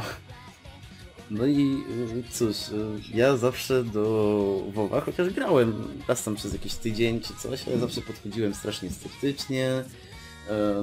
No, jak do większości MMO, można pograć parę dni z ekipą, później komuś się znudzi, później coś Kto- tam, kto- ktoś sumie be- jak wyekspisz to nie ma co robić. Ktoś zamuli z levelem i... Tak, coś zamuli z levelem, albo wszystko się opiera na SMS shopie i nie ma po co grać, albo coś, albo coś, albo coś, albo jest nieciekawie i w ogóle. No i tu mnie WoW zaskoczył, bo wszyscy zawsze tak propsowali WoWa, bo e, mówili, że właśnie w WoWie wszystko jest, bo jest na abonament i tak dalej. Mm, To też e, rozumiałem, było właśnie coś, co mnie mierziło w większości grach. E, Gier to był ten wieczny e, shop i transakcje i tak dalej, które mi Free to play. Tak, free to play, dokładnie. Możesz grać za darmo, ale i tak nie będziesz tak fajny jak ktoś, kto zapłaci nam pieniądze. No i Tu mi się spodobało i muszę przyznać, że gramy, gramy. Oczywiście nie gramy fair, bo e, pozdrawiamy cię Arku, gramy na Rafie. E, Raf działa w ten sposób, że ma, jak ktoś cię zaprosi do gry i da ci starter, to grając z nim masz potrójny exp, więc idzie nam dosyć szybko. Ale co mnie zaskoczyło to to, że e, już poza tym, że no, każdy kto grał w jakieś MMO z ekipą i nie tryhardował, e, zauważył, że może być wiele różnych zabawnych sytuacji, które nie mają nic wspólnego z grą, tylko po prostu jakimś zwiedzaniem świata, e, skakaniem po mapie i tak dalej. E, W WoWie Nie. robiąc rajdy mamy tego 10 razy tyle mniej więcej i naprawdę można wybuchnąć śmiechem e, wielokrotnie. I e, też e, to, że naprawdę fajnie się tam zwiedza świat, albo czasem czyta jakiś lore, no to jest bogata fabuła, świat się zmienia. Mówię, to, no ale to, to jest akurat coś, co ja zawsze propsuję w grach. A jeśli e, chodzi, jeśli chodzi o samą rozgrywkę, to jeśli ma się parę osób ze sobą, to można naprawdę się świetnie bawić i to nawet na niskich levelach, więc ja WoWa polecam i jeszcze ten, jeszcze jakby ktoś się zastanawiał, to można starter tam do 20 levela pograć oraz e, ten, oraz e, co e, też dosyć do, dosyć dobre, to na serwerze tym, na którym gramy, czyli właśnie na Barney Crusade, Burning jakiś- chyba. ja, Barnik Legend, może Barnik Legend. W każdym razie na tym serwerze jakieś 95% społeczności to Polacy, więc tam pisać z kimś po angielsku to cud. Po polsku wszędzie. Mnie ostatnio zapraszali do angielskojęzycznej gildii. Byłem zszokowany. Nie no, ja zaproszenia do gildii są tam cały czas y, częste. Y, Niemniej jednak ja wielokrotnie widziałem na tej naszej gildii w Kordzie, że wbijali jacyś ludzie i pisali coś po angielsku i ludzie pisali, odpisywali, że sorry, ale to nie jest anglojęzyczna gildia. I ci ludzie byli bardzo smutni. E, W każdym razie, no, o WoWie każdy słyszał, każdy wie o co chodzi.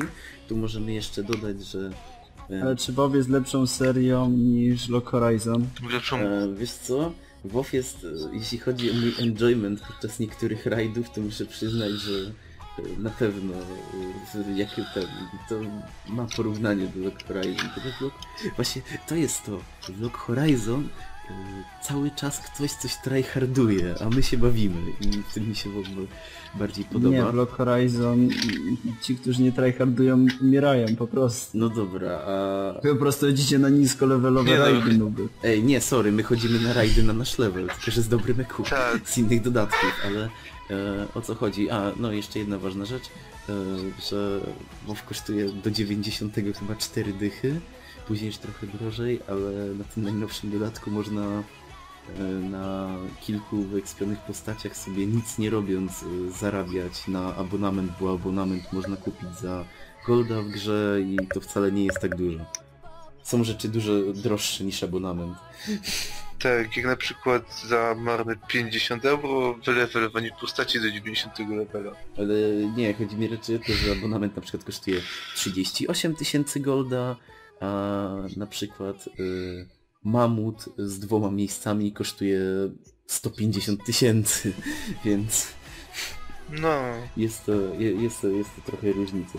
W każdym razie, jeśli ktoś nie ma takiej awersji jak Lesiu do mechaniki gry, która daje raka, to jak najbardziej WoW jest bardzo prostą grą, a co najważniejsze... Jeżeli chcecie wydać swoje pieniądze na MMO, oddajcie je BioWare. Oni naprawdę chcą wasze pieniądze w Star Wars e, World Republic.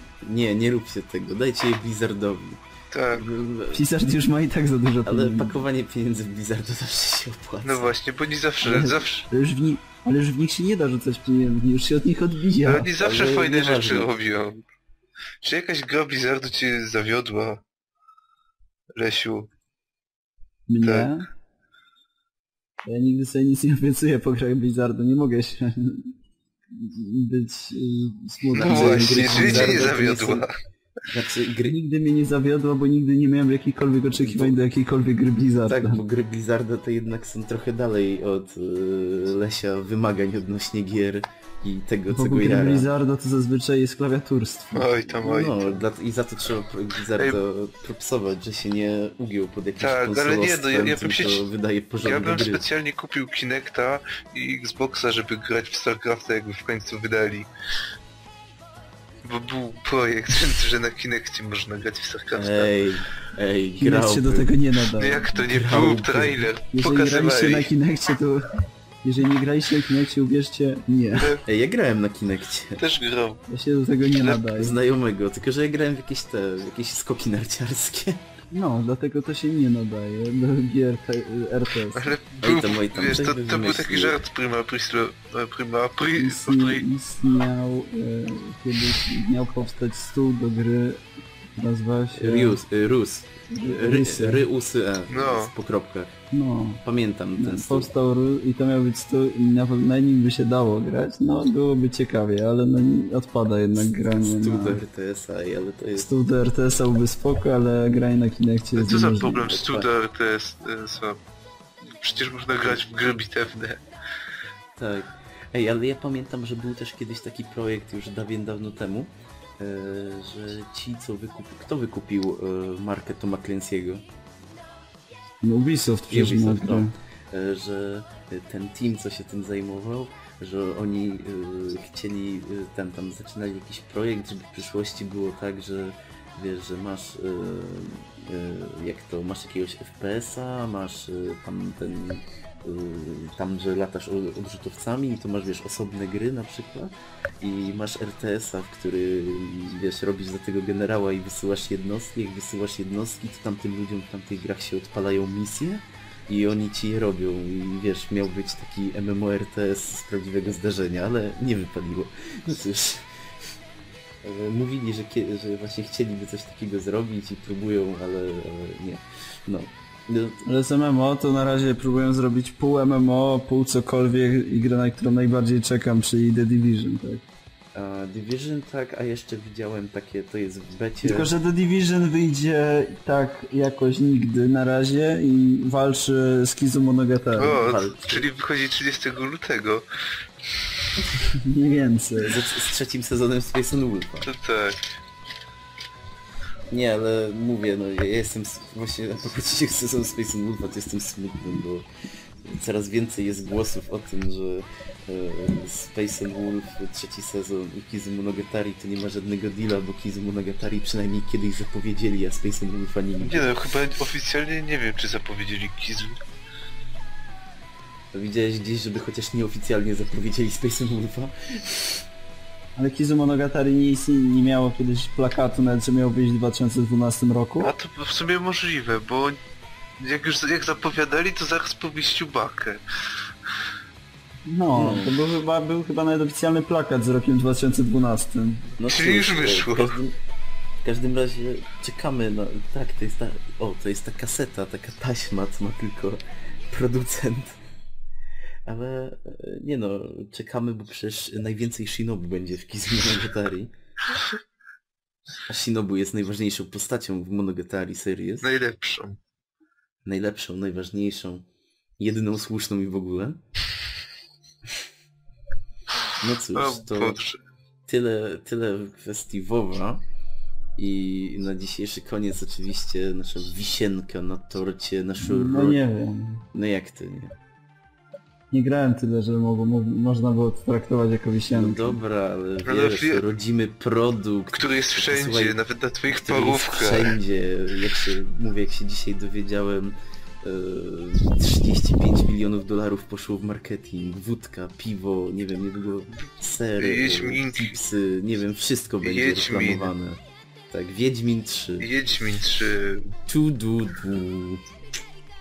Moja historia z Wiedźminem zaczęła się bardzo prosto. Miałem pojechać po tą grę później, ale powiedzieli mi, że jest w sumie nocna premiera, czemu nie podjechać? Nudziłem się o 22 i to pojechałem o 23. W 15 minut odebrałem grę, a ludzie stali w kolejkach ponad godzinę za mną, mimo że ja podjechałem tam o 23, ale nie umiem stać przy wejściu. I tak wyszło, że sobie wziąłem grę, wróciłem i grałem tam do tej trzeciej czy czwartej w nocy, ubiłem, skończyłem prolog i pograłem trochę więcej dzisiaj, bo wczoraj nie miałem czasu. I co mam do powiedzenia o Wiedźminie? Wiedźmin 2, Wiedźmin 3 to Wiedźmin 2 w otwartym świecie, który fabularnie nie jestem wam w stanie nic powiedzieć, bo ja się nie znam na Wiedźminach. Możecie mi powiedzieć, czy on jest prequelem, sequelem, czy... Ale e, Wiedźmin, Wiedźmin oryginalnie jest tym, e, jest e, sequelem książek. No, Pierwsza No część tak, już no. jest. No, ale to chodzi mi o to, że to coś teraz dzieje, ten konflikt Nilfgaardu z Temerią, to, tak? się, to się dzieje od zawsze. To się dzieje od zawsze, tak. Ale wojna, a w książkach była pokazana wojna taka otwarta między Ale nimi. Chyba na- by, była jedna wojna, Znaczy, czy nie? czy Ciri chyba nawet pochodziła z miasta, które najechał Nilfgaard i E, spalił. tak, tak, ona, ona była księżniczką w tamtym mieście i spalili to miasto, ale e, to było jakieś państwo, miasto ogólnie A, tak.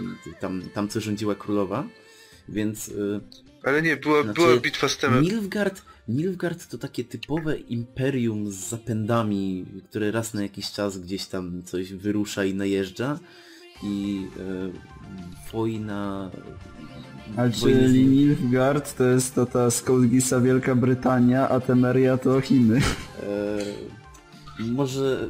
Nilfgaard to imperium rosyjskie. E, Nilfgaard to taka e, Carska Rosja. albo, albo jak kiedyś, e, o Nil- Nilfgaard to ta Złota Orda, ci Mongołowie, a Ale- Temeria i kraje ościenne to Europa. Tak, tylko A, Oni po prostu raz na jakiś czas robią wjazd. bo ja ich w sumie lubię, więc muszę wiedzieć kogo, kogo lubię. No to więc... mówię, no to to jest taka, mi się najbardziej kojarzy z tą taką Złotą Ordą pod względem strategii. Oni po prostu raz na jakiś czas robią konkretny wjazd, dopóki nie dostaną w pierdolu, to idą do Ale przodu. to jest takie bardzo rozwinięte państwo właściwie. No tak, ono No. jest chyba wyżej rozwinięte. No, y, to jest ta różnica, że y, te chyba kraje ościenne, Temeria i ościenne to jest raczej taki typowy zaścianek. No. Taki, taka jesień średniowiecza właśnie, a Nilgard to takie no, imperium z tradycją rozwinięte. Taki ro carska Rosja właściwie. Tak. Albo tyle, imperium jeżeli brytyjskie. chodzi o lore. No.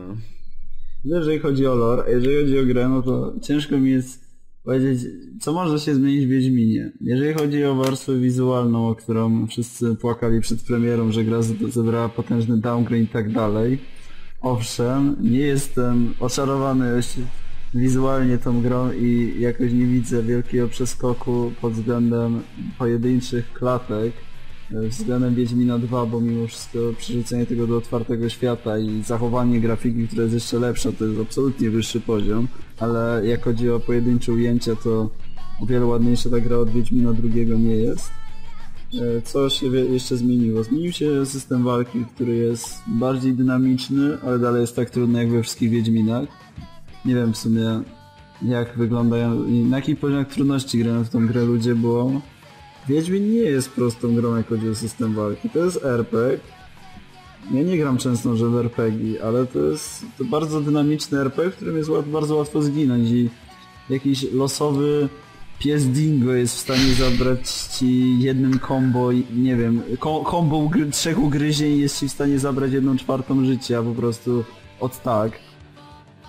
Na normalnych poziomach trudności to nie jest problem, po prostu po walce sobie medytujesz, no i od, odnawiać całe HP, ale na wyższych poziomach trudności medytacja już tego nie robi. Mhm.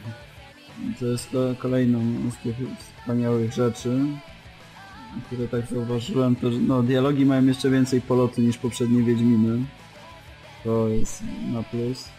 Tam, czyli co jeszcze się mogłoby zmienić w Wiedźminie? Aha, ścieżka dźwiękowa, którą widzieliśmy na trailerach, czyli te, te słowiańskie chóry, hymny i tak dalej są po prostu tak zajebiste, że to, że w normalnej edycji jest ścieżka dźwiękowa kupiło mnie na tyle, że no, prawdopodobnie ją sobie odpalę i będę słuchał tej muzyki, która leci w trakcie walk. To jest po prostu zajebista.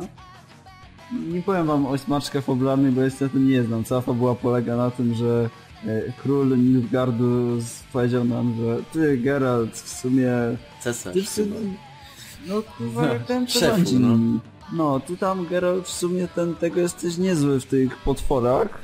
A ja mam taki problem, że ta pani, co ty ją bardzo dobrze znasz i wisi jej zdjęcie na mojej lewicy, e, no jest goniona przez takich bardzo niemiłych ludzi, którzy nazywają się Dziki Zgon.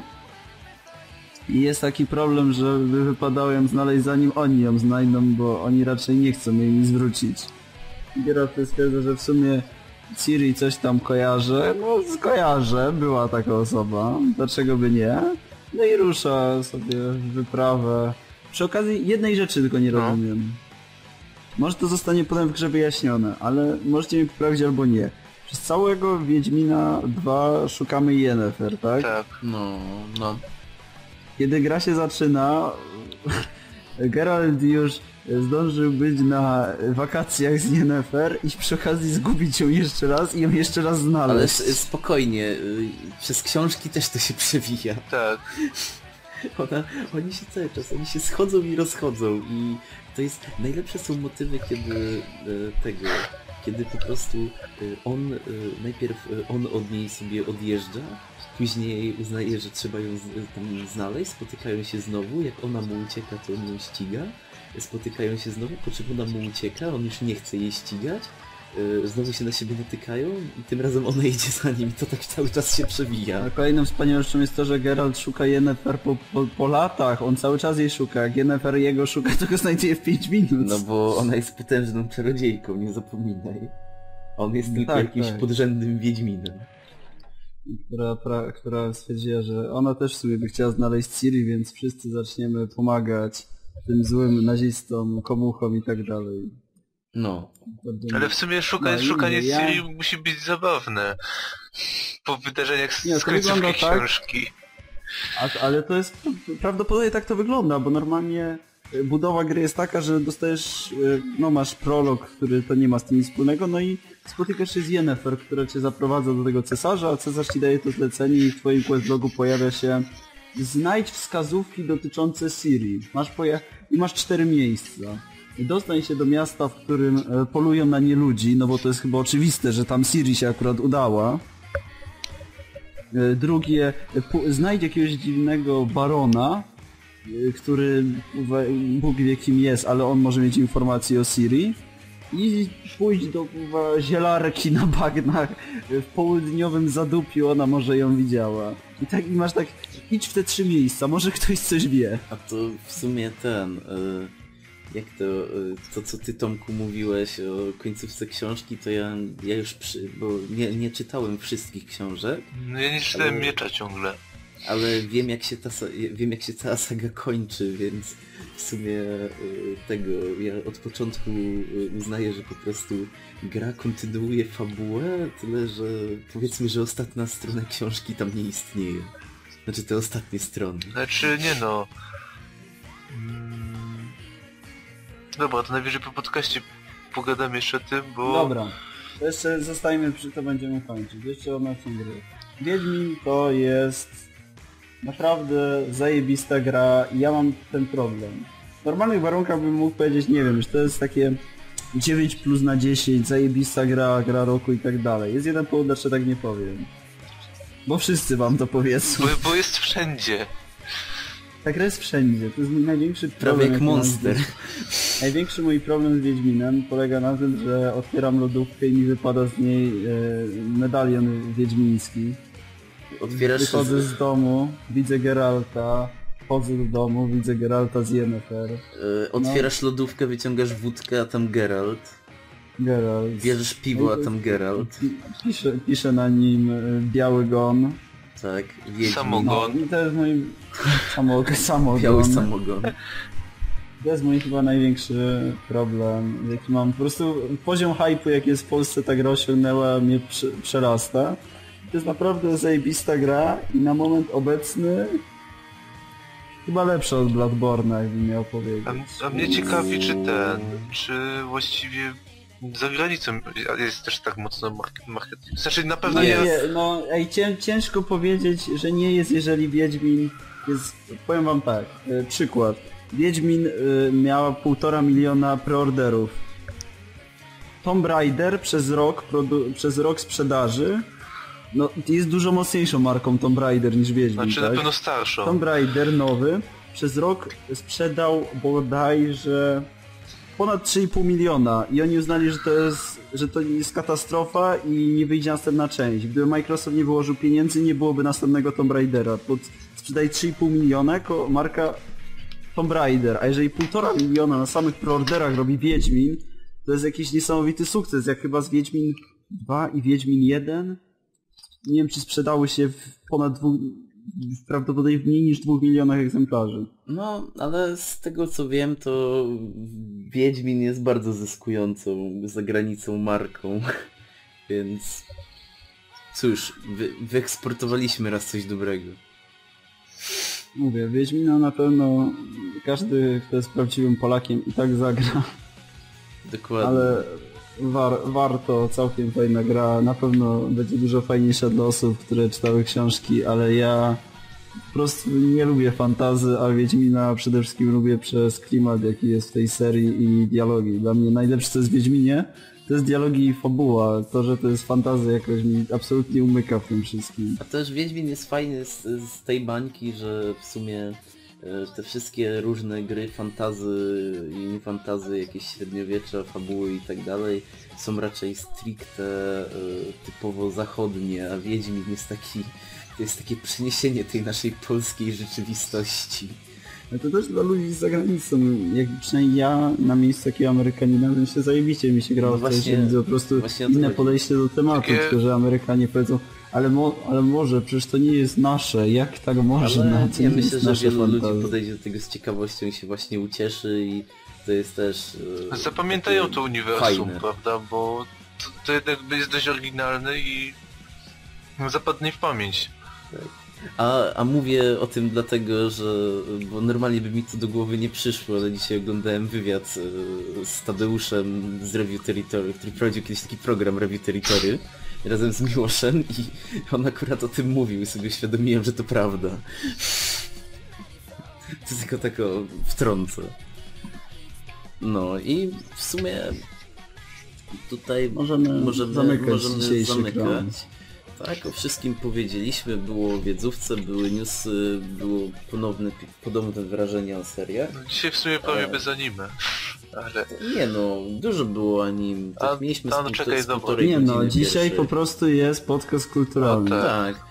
Znaczy, nie no, z pierwszych półtorej godziny Mamy o nim problem, który polega na tym, że jest środek sezonu. Może my naprawdę moglibyśmy się śmiać z wszystkich serii, tylko że dużo osób wiemy, że ich nie ogląda i to byłoby trochę słabe, a dopiero po nim jak się skończy a poza tym jak ale- mamy problem, żeby być na bieżąco z sezonem, to też innych serii nie oglądamy.